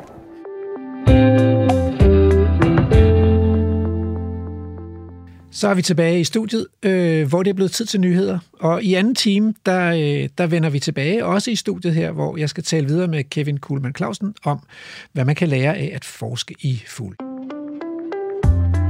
Radio 4. Du lytter til Vildspor med mig, Rasmus Ejernes. Så er vi tilbage i studiet, hvor jeg har besøg af forsker Kevin Kuhlmann Clausen fra Aarhus Universitet. Og øh, vi skal snakke lidt mere om fuglekikning og fugleforskning. Øh, jeg kunne først lige tænke mig at vide, så, hvem har lært dig at kigge på fugle? Er det ikke sådan noget, man skal lære? Altså, jeg synes, at, at det, kan godt, det skal godt være lidt svært, især hvis man kommer ud til sådan nogle engfugle og strandingsfugle. De ligner alle, det er sådan nogle små grå nogen, der piler, øh, grå nogen, der piler rundt henover Jo, overfladen. jo absolut. Altså, det, det er da svært. Jeg vil sige, langt hen ad vejen er jeg nok i virkeligheden selvlært. Altså, jeg har startet som mange andre med at kigge på fuglene ude igennem ruden derhjemme, og så, så når interessen den gror, jamen så, så tager man udfordringen op, som jeg også hører i reportagen. Ikke? Det er en udfordring at lære de rigtige, de rigtig svære fugle at kende, men altså, øhm, det kommer efterhånden, vil jeg sige. Så, så man, man starter med at gå først og fremmest for udseendet, så tager man sangen med, og til sidst kigger man også på kalden, eller hører på kalden selvfølgelig. Mm. Øhm, så det handler om, og, og det handler om at, vil jeg sige, dygtiggøre sig, ligesom man gør på alle mulige andre måder, og så selvfølgelig sørge for at komme med nogle folk, som ved noget. Altså, Ja. det, den der mentor-mentalitet, det er klart, det, det er det allervigtigste. Man skal ud og stå der og så dumme sig lidt. Enten øh, højlydt eller bare inde i sig selv. Nemlig. Ja. Øh, jeg havde overvejet, om jeg skulle kalde programmet her for Fugletosserne, men ville det være en fornemmelse? Det tror jeg ikke engang, det ville. Altså, nørd er jo efterhånden et meget positivt lavet ord. Det er det. Man kan vende det. Mm-hmm. Jeg kan huske, at øh, der var i, i krigen omkring øh, naturbevarelsen på Amager, så var der en eller anden spindoktor, Socialdemokratiet fik ansat, der hånende kaldte folk for bregne fundamentalister. Hvorefter folk simpelthen tog det til sig og kaldte sig selv for bregne Ja, klimatosser. Der er mange gode. Okay, så vil jeg overveje, om ikke det skal hedde fugletosserne. Men øh, jeg ved jo faktisk også, at du har kigget på andet end fugle. Så du er jo biolog, ikke? Øh, og du kommer ind i studiet i dag, og så siger, jeg så en plænehuesvamp derude foran, stu- foran studiet. Ja. Så du har også kigget lidt på svampe. Ja, ja, altså jeg har kigget lidt på mange ting. Nu er det ikke fordi, at, at plænehusvamp som sådan er et hit. Jeg vil Nej, bare gerne det kan man ikke sige. Men det er rigtigt. Altså, jeg, jeg er bredt naturhistorisk interesseret, så jeg er virkelig spændt på. Altså, jeg kan ikke lade være, når jeg ser noget, som jeg ikke ved, hvad er, og prøve at finde ud af, hvad, hvad det er. Altså, få et navn på. Men man er nødt til at beslutte sig på dagen, om man vil kigge op, eller man vil kigge ned. Man kan ligesom ikke... Altså, det, det jo til en vis grad, men jeg har da tit stået derhjemme, hvis det var en dag, hvor jeg tænkte, nu sker der noget trækmæssigt med fuglene. Stået ja. og kigget op i haven, og da jeg så har stået to timer og mistet alt modet, så, så falder blikket ned på sommerfuglene i stedet for. Det, det er skidt ja. totalt i gang. Det er godt at have noget at falde tilbage Det er på. nemlig det. Ja. Okay, men, øh, men til forskningen. Øh, altså, hvad, hvad tænker du, hvad er egentlig sådan de mest øh, interessante, ubesvarede spørgsmål øh, med fuglene? Altså, hvad, hvad er det, vi... Hvad kan man gå i gang med, hvis man nu... Ja, altså det er, det, er, det er jo et paradoxalt spørgsmål i virkeligheden, for der er nok øh, ikke mange grupper, der er så velstuderet som fuglene, og alligevel så føler vi jo, at der er mange ting, vi ikke ved. Altså, vi er jo ikke fuldstændig i, i bund med, hvordan de finder vej, øhm, som, som er noget, der fascinerede forskerne, og, og vel i virkeligheden samfundet i, i mange, mange år. Øhm, hvor man kan sige i dag, altså vi ved, at det, det er forskellige indtryk, de bruger. De bruger en hel masse cues til at danse et samlet billede, magnetisme, lys, øh, sol og så videre, men, mm. men det er jo ikke, fordi det, det er jo ikke beskrevet til fulde overhovedet. Og øh, øh, så det der med at finde vej, hvor, hvor præcist skal de egentlig finde vej? Skal de ikke bare flyve mod syd, når det bliver koldt, og så kommer de til et varmere sted, og mod nord, når det bliver varmt, og så kommer de til et sted med mere mad? Øh, er, det ikke bare, er det ikke så enkelt, eller hvad? Eller, ja, altså, det, det, det skulle man jo synes, det var. Men det er det jo ikke. Altså, man ser jo gang på gang, at den enkelte fugl vender, vender tilbage til lige præcis det sted, den har ynglet året før, for eksempel. Og nogle gange så går den samme bussen i vinterkvarteret også. Så de er jo meget præcise i, hvad de vender tilbage til. Altså, det er ret vildt. ja. Så, og der siger du magnetisme, øh, sollys, øh, ja, de flyver, de flyver også om natten, så, Ja, de er ja, det gør de. orientere sig. Yes, det gør de. Og, og måne og stjerner også øh, er vigtige i den her scene. Og så er der det ekstra, en ekstra dimension for de sociale arter. Der har man også efterhånden fundet ud af, at de rent visuelle cues kan også betyde noget. Altså, når gæstene flyver fra Svalbard og sydpå, jamen, så kan de, når de følges med, følges med mor og far der i, den, i det første træk, lære at genkende en vis bjergkæde, eller en vis vandvej, eller en kyststrækning. Og så kan de bruge det senere også. Det kræver jo en, vild, en vis kognitiv evne også at kunne, øh, Men de er også lidt forudsigelige, fordi vi ved jo godt, der er jo en grund til, at man har placeret en fuglestation ved Blåvand. Det er jo fordi, der kommer mange fugle forbi. Ja. Og der er mange fugle, der flyver forbi Skagen, og jeg kan huske, vi havde en historie her, også, som kom op i Vildspor, ikke med, jeg tror, det var Emil, der spottede en blå glinte eller sådan Mhm. noget, ikke? Og så, og så ringer han, fordi det er så det, man gør, når man finder noget sjældent. Så ringer, skynder man sig at ringe til nogle andre og fortælle, nu har jeg set den her, ikke? ja. og, så, og så ringer han til Morten, som er sammen med Sebastian, og så beslutter de sig for, hvor de skal køre hen, for at se den trække videre ned sydpå, ikke? Ja. Og det lykkedes. Ja, det gjorde det. Altså, jeg tror lige, lige det der eksempel, der tror jeg, at øh, Morten og Sebastian bød ind på, at den måske kunne følge øh, motorvejen lidt parallelt. Så det var simpelthen en E45-ting, som afgjorde den placering. Så de går ikke af vejen øh, for også at bruge øh, menneskecues. Nej, det gør de ikke. Men altså, ellers så fuglestationerne ligger jo steder, hvor man ved, der vil komme mange øh, ja. på grund af landmasserne. Ikke? Altså, de flyver ikke ud over vandet, når de når til Blåvand, så flyver de sydpå. Og det er det samme i gæsser. Der er ligesom ja. en, en trakt, der kanaliserer fuglene, inden de skal ud over havet. Okay. Hvad har du så valgt at forske i? Jamen altså, helt, helt bredt, så hedder det jo vandfugleøkologi, det jeg først og fremmest sidder med. Og det har været sådan set øh, langt omkring. I min PhD startede jeg med at kigge på klimaforandringseffekter på, på de her, øh, særligt på gæs. Så vandfugle, er det gæs? Ja, altså det, mit fokus er gæs, men der er også nogle vadefugle indover, altså engfuglene, ænder og så videre. Men, men det meste af mit arbejde ligger ved gæstene. Er vibe en vandfugl? Ja, Okay. det kan vi godt sige. I hvert fald i mit anseende, Okay, så det, det er bredt dem, der ligesom forekommer steder i landskabet, der er sådan lidt våde. nemlig.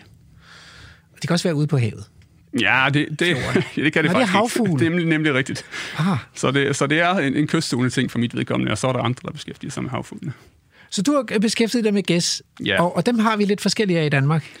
Eller hvad? Altså, grågæsene kender de fleste mennesker, og, og nogen, de bor et sted i Danmark, hvor der også er andre slags gæs. Bramgæs, for eksempel. Ja, altså ja, vi har i virkeligheden en hel håndfuld af gåsearter. Vi har også knortegæs, vi har kortnæbbet blisgæs, øh, to arter af sædgæs. Øh, Så der er mange gæs, og mange af dem er jo temmelig lokale udbredte, men, men efterhånden så kan man godt, altså grågæs og bramgæs kan ses over hele landet. Så Og der, Og så er der Canada-gæs. Den, der er Canada-gæs, ja. det er sådan lidt forkert gås, er det? Eller? ja. Efterhånden er den jo nærmest en integreret del af, af vennerne, men, men ja, okay. oprindeligt er det jo en nordamerikansk art, som er forvildet i vores egne. Men er den selv kommet flyvende, eller er den sluppet ud af fangenskab? Altså, øh, dem vi har nu er, er fangenskabsfugle, hvis vi går langt nok tilbage. Altså, de har ikke nogen af dem, eller det er et fortal af dem, der flyver rundt nu, der har set en, et fangenskab, men det er efterkommere af nogen, der er sluppet ud rundt omkring i Europa. Okay. Hvad for nogle gæs har, har, du, har du en forkaldet for? Er, er du mest forsket i nogen af dem, eller? Øh, ja, altså jeg har mest øh, arbejdet med lysbud knortegås og med kortnæbbet mm. øhm, Og helt fra barns ben, øhm, der var min største oplevelse, det var, jeg boede på vestkysten i en lille by, der hedder Nørre Nebel, hvor vi faktisk cyklede ud til Filsø, øh, som I havde på programmet sidste uge, og så de her store flokke af kortnæbbede gæster, der gik ind til overnatning. Og der havde jeg en biologilærer, som et par gange tog mig med ud, da jeg var helt lille, og det er stadig noget af det, der sidder fuldstændig klart i erindringen. Den der kæmpe oplevelse at se de her tusindvis af gæster komme ind til overnatning på den rest, der var af Filsø på det værende tidspunkt. Hvad vil det sige? Hvor kommer de ind fra, og, og, og, hvor, og hvorfor flyver de ind? Ja, nu er det jo en art, som lever først og fremmest på landbrugsjordene, så de har gået hele dagen ude på en eller anden stubmark eller en, en græsmark og spist. Øhm, og så når det så bliver nat, så vil de gerne i sikkerhed, og så flyver de ind. I sikkerhed for hvem? I sikkerhed for rovdyr først og fremmest. Det vil være revne i det her tilfælde. Så flyver de et sted hen, hvor der er så vådt, så reven ikke kan nå dem. Ja, enten med fødderne i vand, eller ligefrem ligger på vandet. Okay. Øhm, og, og, øh, og, og hvad er der så? Der, der, der, hvad kan man så forske i med de her øh, øh, vandfugle, og specielt gåsearternes levevis? Altså, Åh, oh, jamen, der er mange ting. Altså, øhm, noget af det, som har optaget mig rigtig meget, er, er det der med, med trækkets dynamik, altså ændringer i trækfenologi. Øhm, det synes jeg virkelig har været interessant at arbejde med. så hvordan trækker de her, øh, altså sådan en som lysbuet knortegås? Jamen, lysbud Knortegås, den, den trækker non-stop, så den ryger fra Danmark i foråret og så til Svalbard eller Nordøstgrønland wow. øhm, i et go øh, i løbet af et par døgn, og så tilbage til, til Danmark eller det østlige England i efteråret. Øhm, og de er faktisk kendetegnet ved at have været sådan ret stationære. Altså, de lever af, af strandingen og ålegræsbeder, der er ikke rigtig noget at komme efter mellem Danmark og Svalbard, så de ryger, de ryger i et go og trækker sikkert først og fremmest som et produkt af dagslængde. Og der kan man sige, at nogle af de andre, for eksempel en kort nedlæggås, jeg også arbejder med, den, øh, den er meget mere fleksibel, og der har det vist sig, at den, den udnytter simpelthen de muligheder, der er i landskabet. Den lever på agerjordene, hvor der er et kæmpe udvalg, modsat de her Nordigas. Mm. Så, så der har vi kunne vise for eksempel bare det faktum, at man har startet med at dyrke en masse majs i Sønderjylland. Jamen det har gjort, at den her nye fødekilde, som egentlig dukker op på markerne, når kornet er spist op, mm. jamen det har gjort, at nu bliver gæsten hængende i Danmark, hvor de for bare 15 år siden fløj til Holland langt størstedelen af dem. Så en ny fødekilde er, at der er blevet spildt majs, eller hvad? Ja, der ligger altså efter, efter høst, eller? så ligger de her kolber, og de ligger jo udendørs i noget, der minder om køleskabstemperatur, så de kan holde sig i måneder i virkeligheden, og en kæmpe fødekilde i lang tid for de her gæs. Så, så bliver de i Danmark? Ja. Det, men altså, hvad spiller klimaændringerne ikke også en rolle for, det, for det kan man jo ikke være med at tænke, og det var også en af hypoteserne, vi havde der, men i løbet af den periode, hvor det her er sket, der er der faktisk ikke nogen trend i vintertemperatur, der kan forklare det her skifte. Så, først det er mad? fremmest, Det er først og fremmest mad. Okay. Fordi øh, gæstene har lidt forskellig strategi. Har grå, grågæstene, de bliver her også om vinteren, ikke? Og, har de altid gjort det? Ja, altså... Nej. Både og. Øh, En stigende andel bliver om vinteren, og det kan man se helt i Sverige. En stigende andel af de svenske ynglefugle, de bliver også i Sverige om vinteren. Men vi har stadigvæk trækkende rågæs, som kommer fra den nordlige del af Skandinavien, som ryger igennem Danmark, og så længere ned i, i Europa. Så det er en både og situation. Så øh, er det den enkelte gås, der vælger, hvad, den, hvad der ligesom er optimalt i situationen, eller er, det, er, det, eller er der sådan... Øh, er der sådan under, underarter eller undertyper af de her gæst, som, som gør noget forskelligt i, i flok, eller hvad? Hvordan, hvordan fungerer det? Altså overordnet set, så siger man jo, at der er, der er bestande, flyway-bestande, øh, som er nogen, der gør mere eller mindre de samme ting trækmæssigt. Okay. Øhm, og også langt hen ad vejen opererer man med det begreb, der hedder stedtrofasthed blandt gæstene. De gør meget det samme år efter år efter år, men det synes jeg så alligevel, man skal passe en lille smule på med det her, det her, det her nyeste, øh, de nyeste udviklinger vist her, at de kan sagtens finde noget andet, hvis, hvis det er nødvendigt. Men altså, familien holder sammen, så familien gør nok det samme, og hvis nabofamilien gjorde det samme, så følges de også, kan man sige. Så år efter år, så er det meget den samme pulje af gæster, der dukker op de samme steder. Mm-hmm. Men altså, de har jo det her element, de her sociale fugle, de kan lære hinanden. Så da først nogen lærte at hoppe ind på majsene, så kunne de andre følge hurtigt med. Så h- hvor, meget har det her ændret sig historisk altså? Fordi nu nævnte jeg lige i starten de der svaner, der er dukket op. Fem knopsvaner. Oh. Øh, det er naturtelefonen. Øjeblik. Undskyld. Lige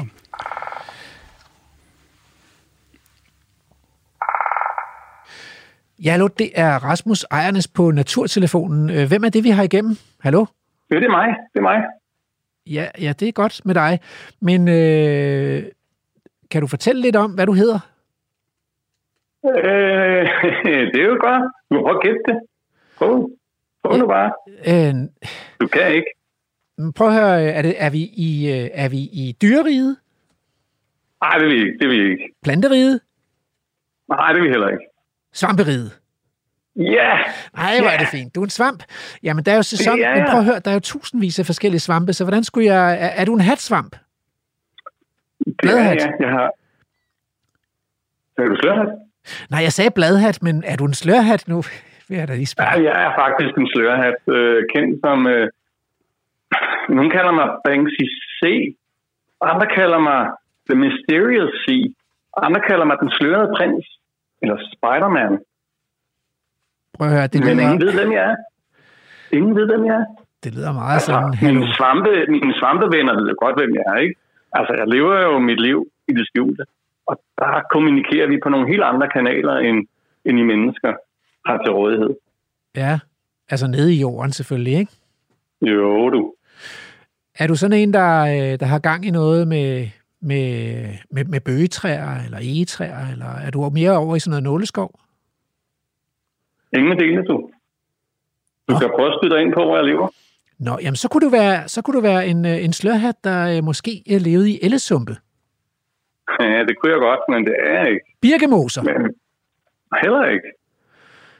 Nu er jeg sgu på Jeg spanden. har havudsigt, så meget kan vi sige. Jeg har havudsigt. Første række. Våg. Men hvis det ikke er nåletræer, bøgetræer, egetræer, det er ikke ædelløvskov. Du har tabt mig rimelig meget her. Altså, øh, hvad kan man, kunne, man, kunne man forestille sig, at du er en, en art, der lever med, øh, med øh, krybende pil, eller... Uh, du er skarp, uh, du er skarp. Ja, ja, ja. Jeg ringer heroppe fra Ugerby Strand. Ugerby Fra min Strand. klitlavning. Yes. Sådan. Øh, ja. Nå, hvor fint. Men der kan der ikke være så mange at vælge imellem. Ha, det tror du. Det, det viser noget om din begrænsede indsigt, du. Altså, jeg har undsluppet Jeg har undsluppet et hvert forsøg på videnskabelig navngivning over 200 år. Du har simpelthen bare, ikke et du navn? Ligesom, ja. ja, det har jeg jo. Jeg har jo mit ar, altså, hvad skal man sige? Ligesom Prince, ligesom øh, Spider-Man, ikke? Altså, så, så, så kører jeg jo med min egen identitet. Den er kemisk, og den kan jeg jo bruge, når jeg skal kommunikere med dem, jeg normalt kommunikerer med. Men du har ikke noget, du kan kalde mig, andet end et eller andet obskurt AT 461, eller en ukendt art i sektion paraboli. Hvor fedt er det lige, ikke? Nej, det er ikke særlig interessant. Øh, vi plejer... Nej, vi, vi kan godt lide, at... Kan vi, kan vi have et kaldenavn? Prinsen. Øh, Du kunne kalde mig Kraveprinsen. Kravprins. Den slørede Kraveprins. Ja, vi skal, og det skal slutte på slørhat. Så kravprins Ja, slørhat, øh, siger vi bare lige for nu. Men prøv at høre, øh, er der noget, du gerne vil... Øh, øh, har du et ønske, eller er der noget, du er utilfreds med derude ved Ugerby Strand? Eller, eller? Ja, altså nu, øh, altså der er jo sket det her for nylig, ikke? at, at øh, en af de der svampeeksperter, Thomas hedder han det, han har, han har sgu nakket mig lidt, ikke? Altså, jeg er kommet i et rør. Jeg er blevet sekvenseret. Altså, han samlede et af mine frugtlegemer og puttede mig i et rør, og vi fik en sekvens ud på det. Eller nogen fik en sekvens ud på det, ikke? Som, som viser, at jeg er ukendt. Øhm, og, og, jeg har jo haft det godt med at leve i det skjulte, men, men, men altså, jeg må jo bare indse, at øh, det, jeg har gjort i millioner år med bare ligesom at have lidt sex og sprede nogle spore, jeg er bange for, at det ikke rækker. Altså, det er jo jer mennesker, I er jo ved at beslaglægge alt plads. Øhm, så, så, så at få et navn i jeres verden ville måske være meget godt i forhold til opmærksomhed og i forhold til at kunne tænke jer lidt om at sige, skal vi nakke en slørhat mere, eller skal vi give plads? Så du er faktisk meget godt tilfreds med, at der kunne være et navn på vej, og, øh, og det, vil du gerne, øh, det vil du gerne ønske dig, sådan at vi kan give plads til, til de her klitlavninger med krybende pil, hvor du bor. Altså, jeg snakker med min PR-manager, ikke? Altså, jeg kan jo bare se, at hvis jeg skal have en fremtid, så bliver jeg jo nødt til at være kendt af jer. Ja. Fordi det er jer, der styrer den her verden. Ja. Sådan er det bare. Og, og, og det spiller jeg med på. Jeg er jo ikke sådan en, en tabernar. Jeg vil sgu gerne blive ved med at være her om tusind år også. Øh, kære kravprins Slørhat, det ønsker vi alle sammen, at du, og måske at du får et lidt bedre navn. Øh, men men ja, det håber vi på, og tusind tak, fordi du ringede ind øh, her til Vildsborg. Det var en fornøjelse. Min tale-emulator også ved at stå så øh, han god dag. Helt derude. Du lytter til Radio 4. Ja, men øh, jamen, det sker simpelthen, at den der naturtelefon, den bimler og bamler, og så Ja, må vi tage det, den. det er hyggeligt. Øh, fordi det, hvor vi blev afbrudt, det var jeg jo ved at sige, ikke, at, at, at jeg har knopsvaner derhjemme, og det er jo fordi, at vi holdt op med at skyde dem, fordi der var, de var lige ved uddød i Danmark. Så øh, hvor meget betyder vores efterstræbelse af fuglene, vores jagt på fuglene, for fuglenes adfærd og valg af, om de trækker eller om ikke trækker, om de bliver eller ikke bliver? Og... Det betyder selvfølgelig noget. Jeg vil sige, det, betyder nok ikke det store i forhold til trækket. Det er ikke mit indtryk. Men Nej. det betyder selvfølgelig noget i forhold til, hvor mange vi har, og, Ja. og hvor sky de er. Øh, og, på, den baggrund, så er der masser af historier på, at, at bestanden er blevet skudt langt ned. Øhm, og men omvendt kan man også sige, at der er mange af dem, der, der i dag har det så godt i det landskab, som vi har i dag, det højproduktive landskab, at selvom vi jager dem, så stiger de stadigvæk. Så, så det er ikke vidt Er sort. gæstene nogle af dem, altså er det nogle af vinderne sammen med ja. svanerne og Absolut. de store rovfugle? Det er det. Der, de har masser af mad, og de, er masser af de mad. voksne bestanden. Yes. Høj energi afgrøder, der er tilgængelige det meste af året. Det er, det er dejligt, når man er her ved vores fugle. Er der andre fugle, der har problemer med det der jagt og nedskydning? Nogle gange ser man redsomme billeder fra, hvad ved jeg, Libanon eller et eller andet barbarisk land, hvor... Ja, men det er de... rigtigt nok. Ja, det er der. Altså Malta er en helt kendt situation, hvor der bliver skudt en hel masse også. Så man kan også bare historisk se rovfuglene herhjemme. Ikke? Altså noget af det, der har holdt dem tilbage, har helt sikkert også været efterstræbelse af mennesker. Som, Og det sker jo stadigvæk. Altså, nu, Det sker, hvis vi men- skal snakke om barbariske lande, så øh, bliver ørne jo forgiftet i Danmark den dag i dag. Det er, det er rigtigt. Og Jeg tror, ikke, det er, jeg tror ikke, det er altid med vilje, men øh, det forekommer. Ja. Okay. Øhm, men altså, øh, reportagen i dag, ud fra Blåvand, øh, den har jo handlet en hel del om fuglekiggeri. Ja. Så kan man, kan man karakterisere den typiske fuglekigger? Hvad, hvad er det? Er det en... Ja, øh, altså fuglekigger er, et- er et bredt spektrum. Øh, hvis man kigger for eksempel på, hvor stort fuglekiggen er i Danmark, så er det i virkeligheden en meget stor naturinteresse. Altså antallet af medlemmer i, i Dansk Ornitologisk Forening er jo langt større end det er i de andre sådan, taksonomiske mm. organisationer. Og jeg vil sige, det spænder helt fra folk, som sidder hjemme og kigger ud på foderbrættet. Der starter mange af os vel i virkeligheden. Mm. Så er der folk, som synes, at uh, trækket er vildt fedt. Det hører vi også i reportagen. Det her med at opleve at være en del af det her fænomenale træk mellem nord og syd. Øhm, så er der listerne, som man kalder dem. Altså dem, der går meget op i, om de har set, hvor mange arter de har set, enten derhjemme i Østjylland, i Danmark, eller i, i verden, eller hvor det måtte være. Mm. Og som en gren af det, det vi kalder twitcher, altså folk, som er villige til at sætte sig ind og starte motoren næsten uanset dag på ugen og tid på døgnet, når der er set et eller andet spændende. Som en brun drossel på Bornholm for nylig. Oh, Ja, ja. det er bedre end en brun løvsanger. ja det, det kommer nok an på, hvem man spørger. Det er lidt mere sjældent, tror jeg. øhm, ja, og så, altså man har også et begreb, der hedder microburter, hvis jeg skal tage den med. Det er nok, fordi det er den kasse, jeg i virkeligheden selv falder bedst ned i, som er typen, der går meget op i, at man ser rigtig meget lige der, hvor man bor. Altså, det er den eneste okay. liste, jeg sådan i virkeligheden tæller. Det er, hvor mange jeg kan få på mine halvanden hektar derhjemme. Hvor sjovt. Det, det, det er sådan lidt vildt med vilje. Altså, hvor meget vild, vildhed kan man få derhjemme Ja, i sin egen i have. Æ, altså, øh, hvordan er det med at få de unge med, eller med at få kvinderne med? For de der to grupper, der måske kan være lidt svære, når vi snakker det her artsnørderi. Det er rigtigt. Øhm, altså, det, det, er jo, det er jo virkelig en udfordring på tværs af, af naturhistoriske interesse, tror jeg, at der er, det er svært at få unge med. Det kan også være svært for kvinderne, men jeg tror i virkeligheden, det er min opfattelse, at kvinderne ligger ret lun i forhold til, hvad man ser, hvis man for eksempel går ud og kigger svampe, men Ja, det er ikke det noget, jeg har andet end en, en godt feeling med. Ja, kvinder, øh, det er mosser, og så lidt fugle også. De er i hvert fald iblandt, når man twitcher dem. Også på, øh, også på reportagen derude på Blåvand. Men yes. det er faktisk ved at være tid nu til, at vi skal ud på den tredje del af reportagen, som, ja, vi må se, om de er ligesom, det er jo den der brune løvsanger der.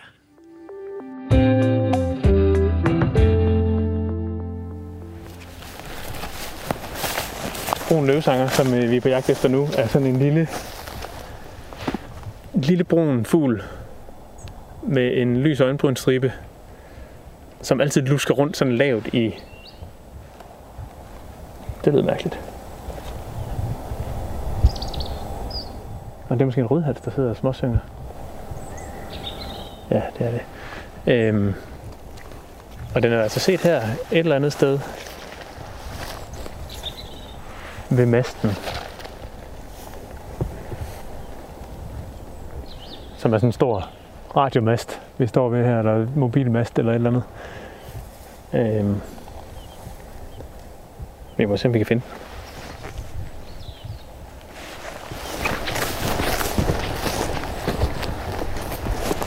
den. En sort majs lige her.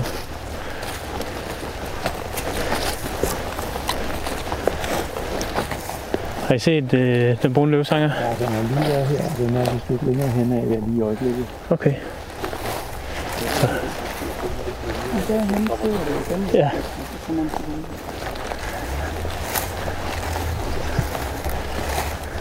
Vi skal lige hen og se, om vi kan bare lige få at få krydset.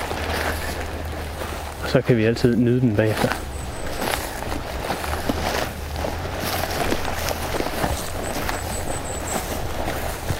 Der er fuglekonger, der kalder ind i krattet.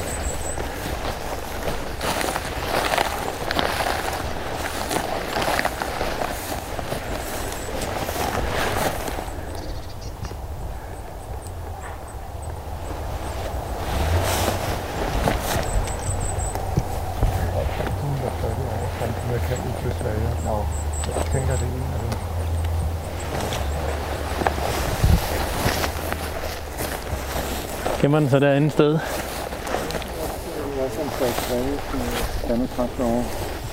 Den var her lige før.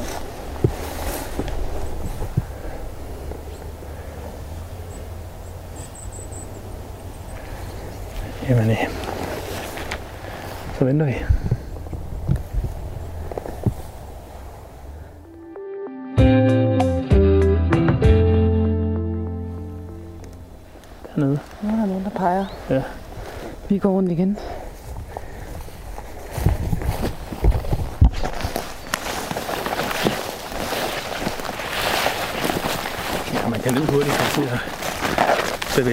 For at få set sådan en lille fugl der. Så hopper den lige fra den ene bus til den næste, og så flyver den lige 100 meter hen, og så... Øh, Hvordan lyder den? Hvad er det, vi lytter efter? ja, men den siger sådan... Øh... Oh, det var ikke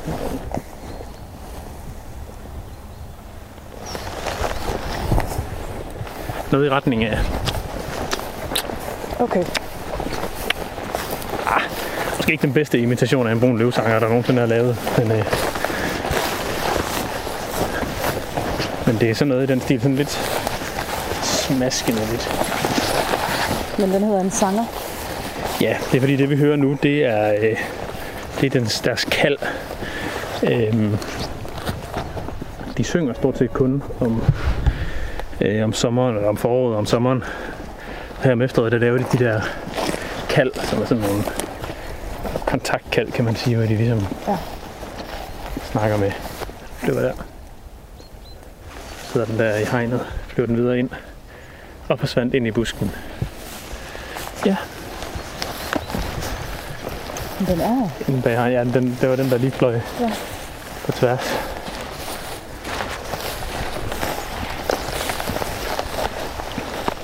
Det kan selvfølgelig være, at den kommer ud igen, ja.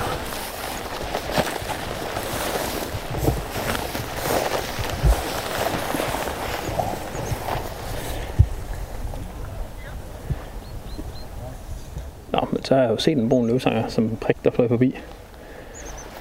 Det tæller jo. Men øh, jeg vil også gerne lige se den ordentligt, ikke? Sådan lidt tamt der. Nå, jamen, den var der da.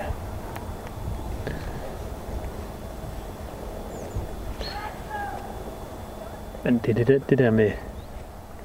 Altså, nu har jeg jo set en brun løvsanger i modlys, som fløj væk på 30-40 meters afstand. Og jeg har hørt den nogle gange, ikke? Så nu må jeg jo godt krydse den. Jeg synes ikke, du virker sådan sygt begejstret. Jeg synes, det var lidt fæsent. Ja. Jeg vil gerne have haft den i medlys, hvor den lige... Jeg ved godt, det er sådan en art, som sidder og, og putter sig. Det gør brun løvsanger. Men nogle gange, så kommer den jo også frem. Og lige ud og fanger lidt insekter og sådan noget, ikke? Det vil jeg jo gerne se. Ja. Men vi kan nå det endnu. Det kan vi nemlig. Det er, ikke, altså, det er måske blevet mere og mere sådan, at det er sgu ikke så meget for krydsets skyld, egentlig. Jeg vil hellere opleve fuglen, Tror du, det er sådan en, jeg er ved at blive gammel ting? måske. måske.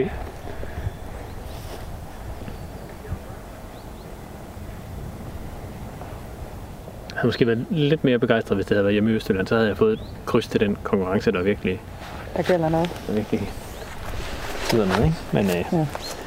ja, det er, det er sgu lidt.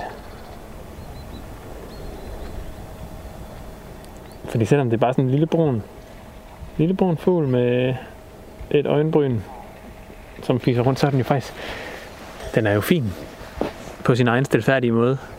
Sådan en brun løvsanger der, det vil jeg jo gerne se. Det har vi ikke set. Jeg har bare set sådan en plet, der fløj væk. Som var den, den sagde som brun løvsanger, mens den fløj væk. Det handler også meget om æstetik, når jeg kigger på fugle. Jeg kan godt lide at se tingene godt og i medlys, og jeg kan godt lide at få et godt billede af det og sådan noget. Og det her hegn her, det skæmmer altså oplevelsen. Ja. Jeg står lige nede under sådan en hegn med pigtråd hen over hovedet og alt sådan noget. Ikke? Og det er, det er ikke det yndigste sted, Nej. det vil jeg sige. Der var det lidt mere charmerende nede, i, nede ved det lille vandhul dernede. Ja. Nu er det også ved at være nogle minutter siden, den har sagt noget. Vil du hellere gå derned og så kigge, eller ja, tror du, så vi det kunne misser godt den være, igen? Det kunne godt være, at den var fløjet derned. Altså, jeg synes, det er helt og holden dig, der, der kalder den, om vi går derned eller ej. Ej, lad os bare lige så stille gå derned af.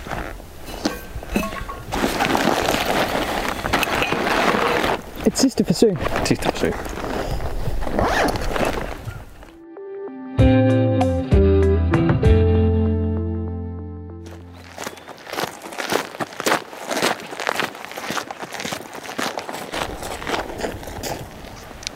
Fedt nok. Nu har vi set brun løvsanger. Altså, det skal man jo heller ikke være ked af, vel? Men øh, det bliver nogle gange sådan lidt... Nogle gange så kan det godt være sådan lidt antiklimatisk. Så ah, skulle jeg bare se sådan en lille prik der. Der er jo nogen, der har set den rigtig, rigtig godt. Det vil jeg jo også gerne. Ja. Øh, den brune løvsanger øh, er nu tilbage ved krattet ved stien ved TDC-masten. Så er den jo da i hvert fald ikke her.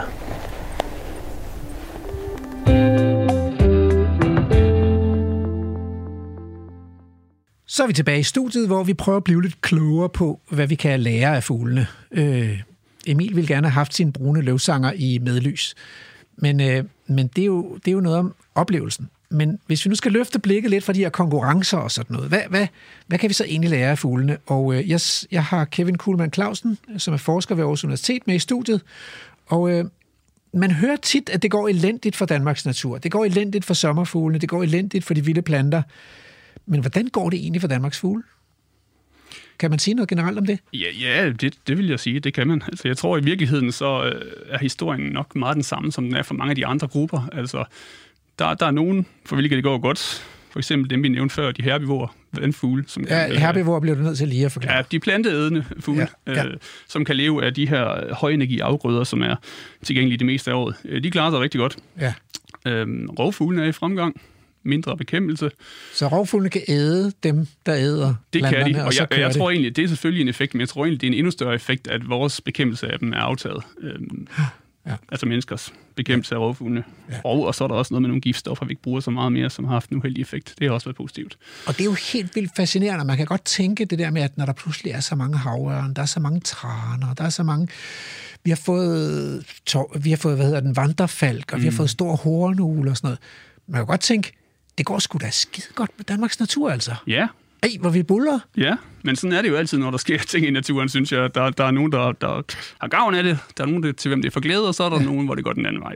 Så hvem har det, hvis man skulle pege på nogle fugle, der har det svært i Danmark i dag? Ja, altså så vil man vel overordnet kunne karakterisere dem som det, man kalder biodiversitetsarterne. Altså fugle, som er afhængige af mange og store insekter, for eksempel. Mm.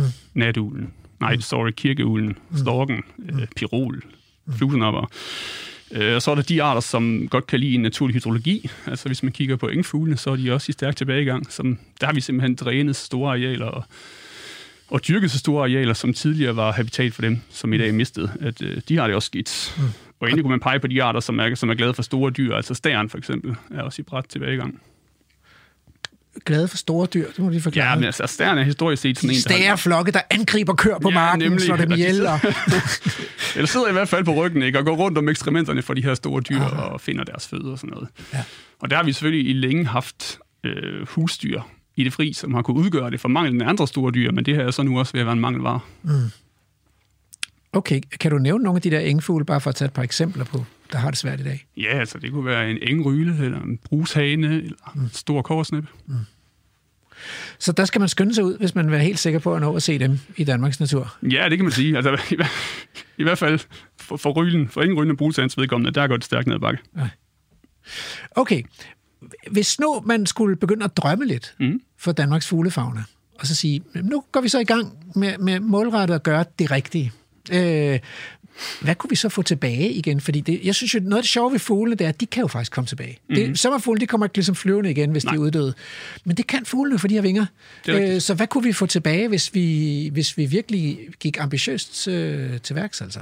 Det er rigtigt, fugle, fuglene har den der høje mobilitet af ting, som, som gør dem virkelig en, en god gruppe, hvis man gerne vil undersøge en effekt af et eller andet tiltag eller en eller anden forvaltning.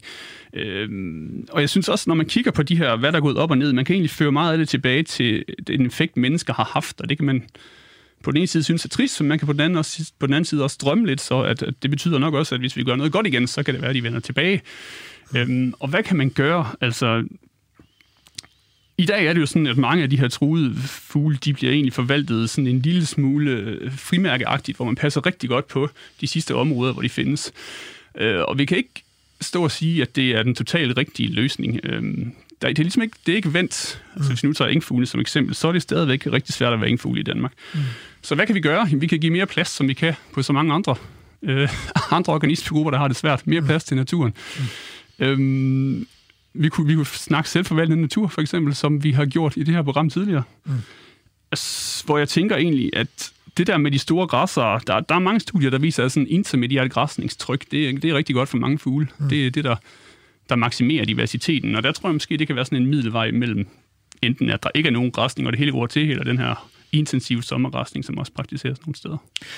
Og i sidste uge, øh, der handlede programmet om Filsø, og der talte vi jo her i studiet blandt andet om, at, at, at det, som er på ønskelisten, hvis man, hvis man er søøkolog og studerer biodiversiteten mm. knyttet til søer, det er naturlig hydrologi, Ja. og så er det naturlige forstyrrelser ved græsning. Er det, er det i virkeligheden det samme, hvis man, hvis man taler fugle? Ja, altså det vil jeg sige, det, det er i hvert fald to øh, rigtig positive ting for mange af dem, der har det svært. Øh, jeg vil så også sige, hvis man kører, hvis man satser 100% på det, vi kan kalde øh, land sparing, altså en opdeling af noget natur, mm. hvor vi hele hjertet har natur, og, og så noget intensivt landbrug et andet sted, så kan der være nogle enkelte arter, der ligesom falder imellem to stole der. Øh, det bedste eksempel, jeg kan give, er næsten bumlærken, som kun findes på ekstensiv af jord i dag. Altså det, den vil nok i virkeligheden have svært ved at finde sig et sted. Men for mange af de arter, hvor det går rigtig dårligt, der tror jeg, det vil være positivt. Men, men, men hvor har bumlærken så været før mennesket? Ja, altså... Jeg har jo desværre ikke tid til at så langt tilbage, så jeg kan sige det skråsikkert, men jeg tror i virkeligheden, at før mennesket påvirkede Danmark, så har den måske slet ikke været her, eller så har den været her i en meget, meget lavere densitet eller tæthed, end den er i dag. Altså, øh, da jeg skrev min tænkepause om natur, der, øh, der sluttede jeg af med at gætte på, at ulven måske ville vende tilbage til dansk natur. Og, så, og i virkeligheden på det tidspunkt var den allerede kommet, der var bare ikke nogen, der havde opdaget den. Altså, tør du, tør du øh, øh, altså, kigge i, i krystalkuglen og så gætte på tre fugle, som kunne komme tilbage, øh, hvis du sådan virkelig skulle ønske, eller håbe, eller gætte? Der er simpelthen mange at vælge imellem der. Det... Har der, vi har mistet? Jamen, der er jo, der er jo frit slag. Du bliver ikke hængt op på det. Altså, så, så er jeg næsten hellere lov at drømme lidt. Altså, jeg Ja. ja. virkelig godt tænke. Yes. mig, at vi fik en art som ellekrav, ikke? som jo er en ah. sindssygt fed fugl. For De brune, brune det ene og brune det andet. Altså, Ja, kunne vi nemlig. få en ellekrav med noget pangfarver? Lige præcis. Ja. Men, men altså, en art som ellekrav går tilbage i hele Europa, så det, det er ikke sikkert, at uanset hvor effektive og hvor gode vi er heroppe, at vi får den sådan lige med det første. Øh, og så tror jeg, at mange danskere drømmer om at få storken tilbage som en rigtig ynglefugl. Altså, s- storken er jo i dag, de få steder, den findes, der, der er de jo baseret på fodringer i, i og nær redderne. Så den er jo sådan set ikke et vild fugl i Danmark i dag. Ja. Øhm, så den, Det bliver fedt. Ja. Skal vi tage en, en tredje, så lad os bare håbe, at der hopper et enkelt par af Emils blå glinde med op. Den er på vej op gennem Europa lige nu. Alright. Nå, ja, altså, jeg kunne også godt tænke mig en pirol. Altså, Ja. den der sang, altså den der gule fugl, og, og det, er der, der er ynglende pirol. Jo, jo, der er, der er ganske få ynglende pirol, så det er ikke, den har vi, men det, det er ganske få. Og det er også i en artig tilbagegang. Er det, er det et skydyr? Er det noget, man holder hemmeligt, så, hvis der yngler pirol et eller andet sted? Nej, den er bare, altså den er svær på ynglepladserne. Den lever højt i trækronerne i, i små trælunde, og hvis ikke den synger, så gør den ikke så meget væsen af, så man ser den sjældent.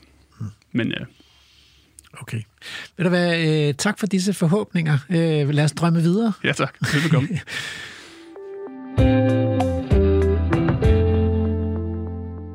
Så er vi nået til ugens tråd, eller hvad vi nu skal kalde det. Altså, fordi øh, i den sidste uges tid, der har en ny rapport fra IPBES, Intergovernmental Panel on Biodiversity and Ecosystem Services, langt navn, øh, udgivet en rapport øh, om pandemier, og den, den har fyldt en hel del på Twitter i den sidste uges tid. Og det, øh, den her rapport antyder altså, at der er en sammenhæng mellem biodiversitetskrisen og risikoen for pandemier, såsom covid-19 men det lyder jo næsten for godt til at være sandt, ikke? Altså, øh, som biodiversitetselsker, tænk, hvis vi nu kunne begrunde al naturbevarelsen med, at, øh, at det vil være klogt og fornuftigt for at undgå, at vi bliver syge i fremtiden. Øhm, og jeg tænker, jeg kunne godt tænke mig at prøve den her skepsis af på en epidemiolog. Altså, min skepsis skyldes jo, at sådan nogle zoonoser her, som man kalder det, altså sygdomme, som på en eller anden måde kommer fra dyr, at de, øh, at de kommer fra vilde dyr, øh, sådan nogle nye nogen, og, øh, og de må være hyppigere, jo rigere dyrelivet er, altså jo mere biodiversitet der er. Så det burde jo vel være en fordel for os, at der ikke længere er urokser og vildheste og kæmpehjorte og elefanter og næsehorn og vildsvin og huleløver i Europa. Og det må være en fordel for os, at vores huse er så tæt og velisolerede, at de ikke længere fungerer som redesteder for flagermus og, og så videre. Så hvordan hænger det her egentlig sammen? Øh, Og derfor så har jeg nu professor Søren Ries Paludan i, øh, i røret. Kan du høre mig? Det kan jeg godt, ja. Og du er professor ved Institut for Biomedicin på Aarhus Universitet og forsker i virus og vacciner blandt andet. Øhm, ja. Og så, jeg kunne godt tænke mig at spørge dig til en start altså. Et af argumenterne her øh, om, at biodiversitetskrisen og øh, pandemierne hænger, hænger sammen med hinanden. Et af argumenterne her er, at, at vi ser en, en stærkt stigende hyppighed øh, i udbrud af zoonoser, øh, igennem tiden, og der er mange flere, kommer mange flere af de her øh, nasty sygdomme frem end tidligere. Men gør der i virkeligheden det, eller er vi bare blevet bedre til at, at opdage de her udbrud og dokumentere dem? Jeg tror, det er en lille smule begge dele. Ja. Øhm, jeg tror, der er et element af, at vi masser os ind på typiske dyrebiotoper, øh, og vi kommer i tættere kontakt, øh, hvor vi ellers ikke har været tidligere. Det er det ene element, og det argumenterer for, at øh, der er sammenhæng, mm. øh, som du har i din indledning. På den anden side, så er der også øh, med vores øgede evne til at diagnostisere, diagnostisere og identificere alting, det er også ting, som vi finder nu, vi ikke fandt tidligere. Ja. Altså, altså men, men hvordan er de her, øh, hvad kan man sige, potentielle pandemier egentlig sådan? Hvordan hænger det sammen med det, vi sådan samlet set kalder global change? Øh, altså, der, der er miljøændringer, klimaændringer, biodiversitetsændringer, ændringer i den måde, vi bruger arealerne på. Der er også en befolkningsvækst, og, og vi, og vi øh, hvad kan man sige, bevæger os meget mere rundt på kloden. Hvilke af de her ting betyder mest for risikoen for pandemier? Kan du sige noget om det? Altså, jeg tror, det er vigtigt at sige, at meget af det, som du bringer op her, er jo meget interessante emner, og noget af det er man nødt til at på det her stadium at spekulere på, snarere end kunne sige noget konklusivt omkring. Øh, som jeg sådan ser det, så mener jeg, at der kan være, en, og meget sandsynligt det er, en sammenhæng mellem sige, menneskets ekspandering som art øh, og, og kontakten med, med dyr. Mm. Om, det, om det direkte er direkte biodiversitet versus pandemier, eller om det snarere er sekundært, at menneskets ekspansion og behov for en eller andet tredje, de reducerer biodiversiteten, og så som en parallel konsekvens af det, så er der mere interaktion mellem øh, de mennesker og dyr på en måde, der ikke har været tidligere, og det giver så pandemier. Det, det sige, for, for, forbinder dem alligevel i en trekant, men om det, det decideret er biodiversiteten, der er ligesom et trin på vejen mod øh, øget antal pandemier og mm. sige, spredning af infektioner, det, det synes jeg, man mangler at se, se solid evidens for. Ah, og det er jo det, vi altid som forskere ligesom skal lære og huske, at øh, en korrelation er ikke nødvendigvis det samme som en kausalitet. Øh, men, men, øh, men hvis vi nu fokuserer på det der risikoen for, at en, en sygdom, den ligesom springer fra et dyr til et menneske, øh, så er, er det korrekt forstået, at de sygdomme, vi er særligt bange for, det er ikke dem, der ligesom kommer ud i, i, i, i min baghave i, her nord for Aarhus, hvor der bor et år mange mennesker. Det, det, er dem, det er de meget specielle og helt nye sygdomme, som kommer i et eller andet et eller andet isoleret hotspot et eller andet sted på jorden, eller kunne det lige så godt ske i min baghave? Altså, det kunne i princippet godt ske i min baghave. Det er usandsynligt. Det, man, det, man generelt oplever, det, det er, at ganske få, man siger, evolutionært set, så har virus egentlig ikke en interesse i at slå nogle mennesker ihjel. Den har interesse i at opformere sit genom, og derfor er den virusproducerende fabrik, altså, altså dig, overlever så længe som muligt og spreder så meget som muligt. Mm. Derfor så oplever man typisk, at når at et virus laver et hop fra en art til den anden, så er det meget patogen, altså er meget sygdomsfremkaldende. Mm. Og så adapterer det over tid til faktisk at blive mindre sygdomsfremkaldende. Mm. Og det er jo faktisk et af problemerne med covid-19, ikke? det er, at, øh, at, at den er god til at sprede sig, men den, den slår ikke så mange ihjel. Det vil sige, at man render rundt og spreder den hele tiden. Altså, øh, Ebola er værre, ja. ikke? Fordi der, det, det går ligesom for hurtigt jo, med at... Ja, ja. ja, altså man kan sige, det værste, det værste vi, vi ved, når vi, når vi taler om virusinfektioner, det er egentlig virus, der spreder sig, før man får symptomer. Ja. Og så kan man jo have, have en masse tingene bomber gående rundt, og det er jo så det, man oplever, oplever øh, lige nu. Men øh, tilbage til det, vi talte om, så kan man sige, at, at covid-19-virus, altså SARS-coronavirus 2, om 100 år hvor den sikkert stadigvæk vil være i vores befolkning, jamen det er sikkert et mindre patogen virus. Der kan det være, at det er en almindelig forkølelse. Hmm. Men har der ikke altid været så nogen, altså øh, den spanske syge og øh, altså sådan nogle influenzaer, der ligesom sådan pludselig kunne noget mere end, end dem, vi var vant til, og som vi så har skulle lære at udvikle os sammen med? Jo, det er, det er rigtigt, men, men det vi oplever, synes jeg i højere grad, det er det her sige, hop mellem arterne. Ja. Ebola øh, har også, har også HIV er jo i sig det samme. Det kommer fra aber, og så hopper også mennesker. Den gør ikke aber særlig syge, men den gør mennesker syge. Ja. Øh, så, så, så, så, og, og der er, er der i hvert fald en korrelation, så kausaliteten, der er i hvert fald en korrelation mellem menneskets ekspansion på jorden, og øh, vi ser de øh, eksempler. Men, men hvis vi så skulle handle proaktivt i, for at undgå fremtidige epidemier, hvad, hvad vil så være det vigtigste, vi kunne gøre? Altså skal, er der sådan nogle no-go-zoner, vi skal have oprettet der, hvor, hvor risikoen er allerstørst? Hvad ved jeg, steder i Vestafrika eller i tropiske egne med særlig høj biodiversitet? Eller, eller, eller kan, kan man lave sådan nogle regler, eller tommelfingerregler? Jamen, altså, det er jo et meget stort spørgsmål, du stiller, fordi det i og sig, så, så, så, øh, så, så siger så grundproblematikken er jo egentlig, at mennesket er en invasiv art. Normalt så stopper man den invasive art, men her der, så, så siger du egentlig, at man skal stoppe det, den, det, det, det, der hindrer den invasion. Ja. Så, så, så man kan sige, at løsningen er jo sig, at mennesket bliver en mindre invasiv art. Ja. Øh, men, men det er jo nok ikke, har nok ikke gang på jord. Og, og, og så, øhm, eller i hvert fald ikke i, i den i en, i en grad, som vi vil acceptere det. Men ja, man kunne godt sige, for at have, have nogle deciderede no-go-zoner.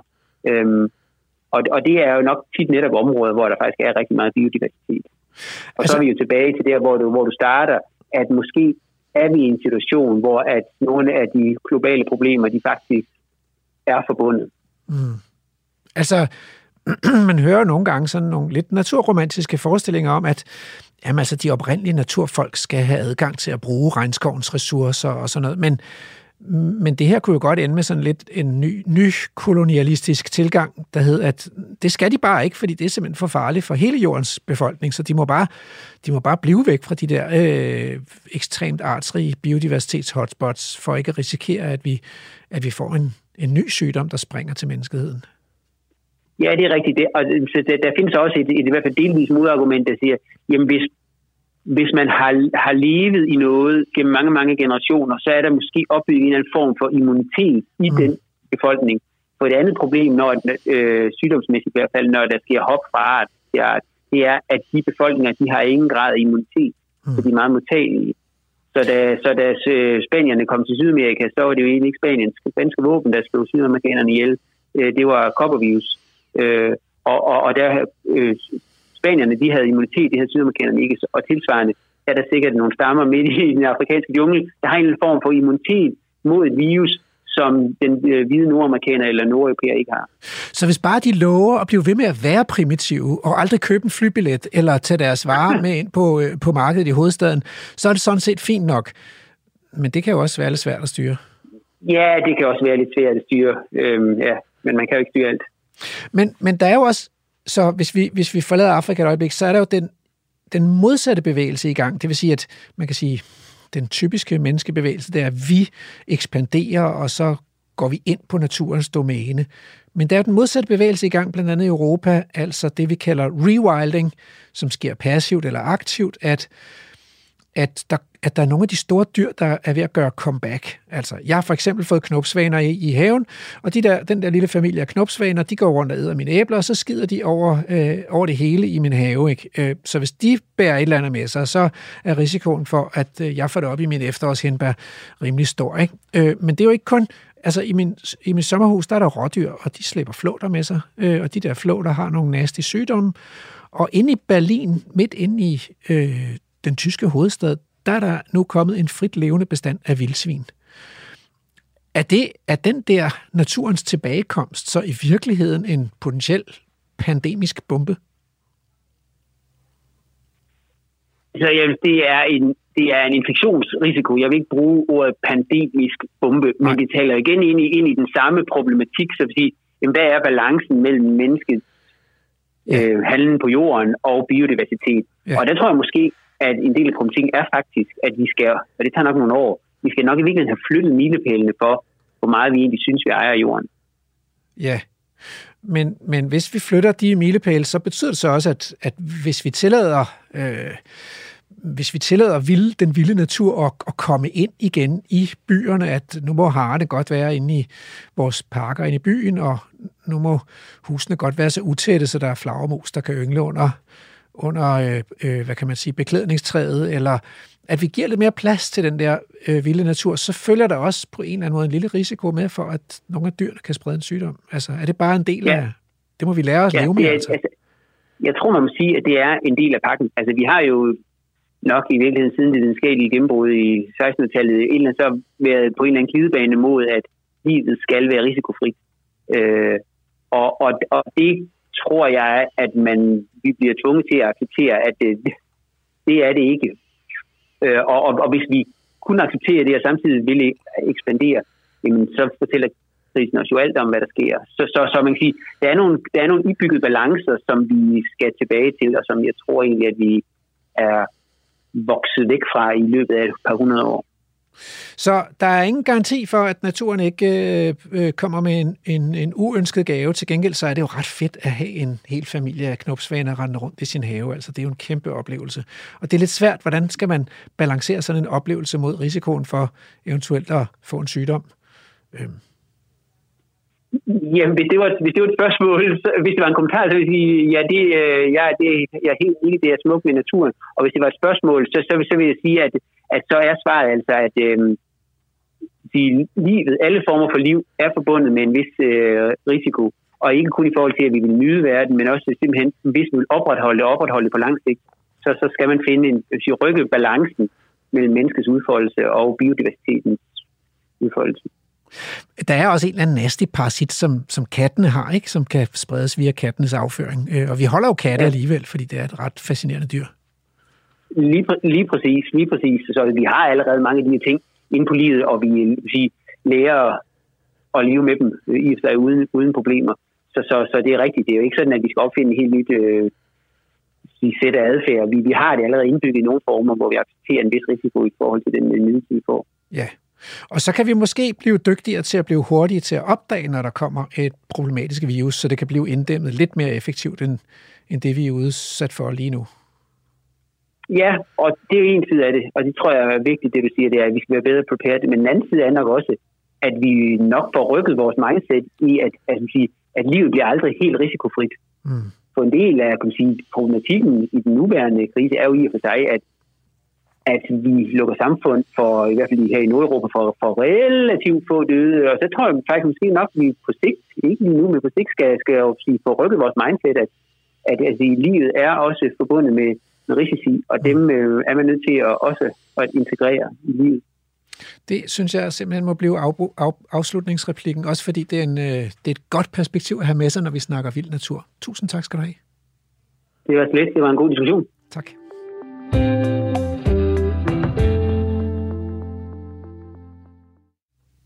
Så er det ved at være slut. Men i sidste uge, der var jeg inde og holde foredrag inde på Folkeuniversitetet, og der opdagede jeg, at der var næsten ingen af dem, der havde meldt sig til den her forelæsningsrække om natur, der vidste, at der fandtes et program, der hed Vildspor. Andrew, hvad det, gør vi? Ja, det er, det er ikke så godt. Øh, men, men altså, vi, vi, nu kommer vi til en bøn til alle jer, der lytter derude.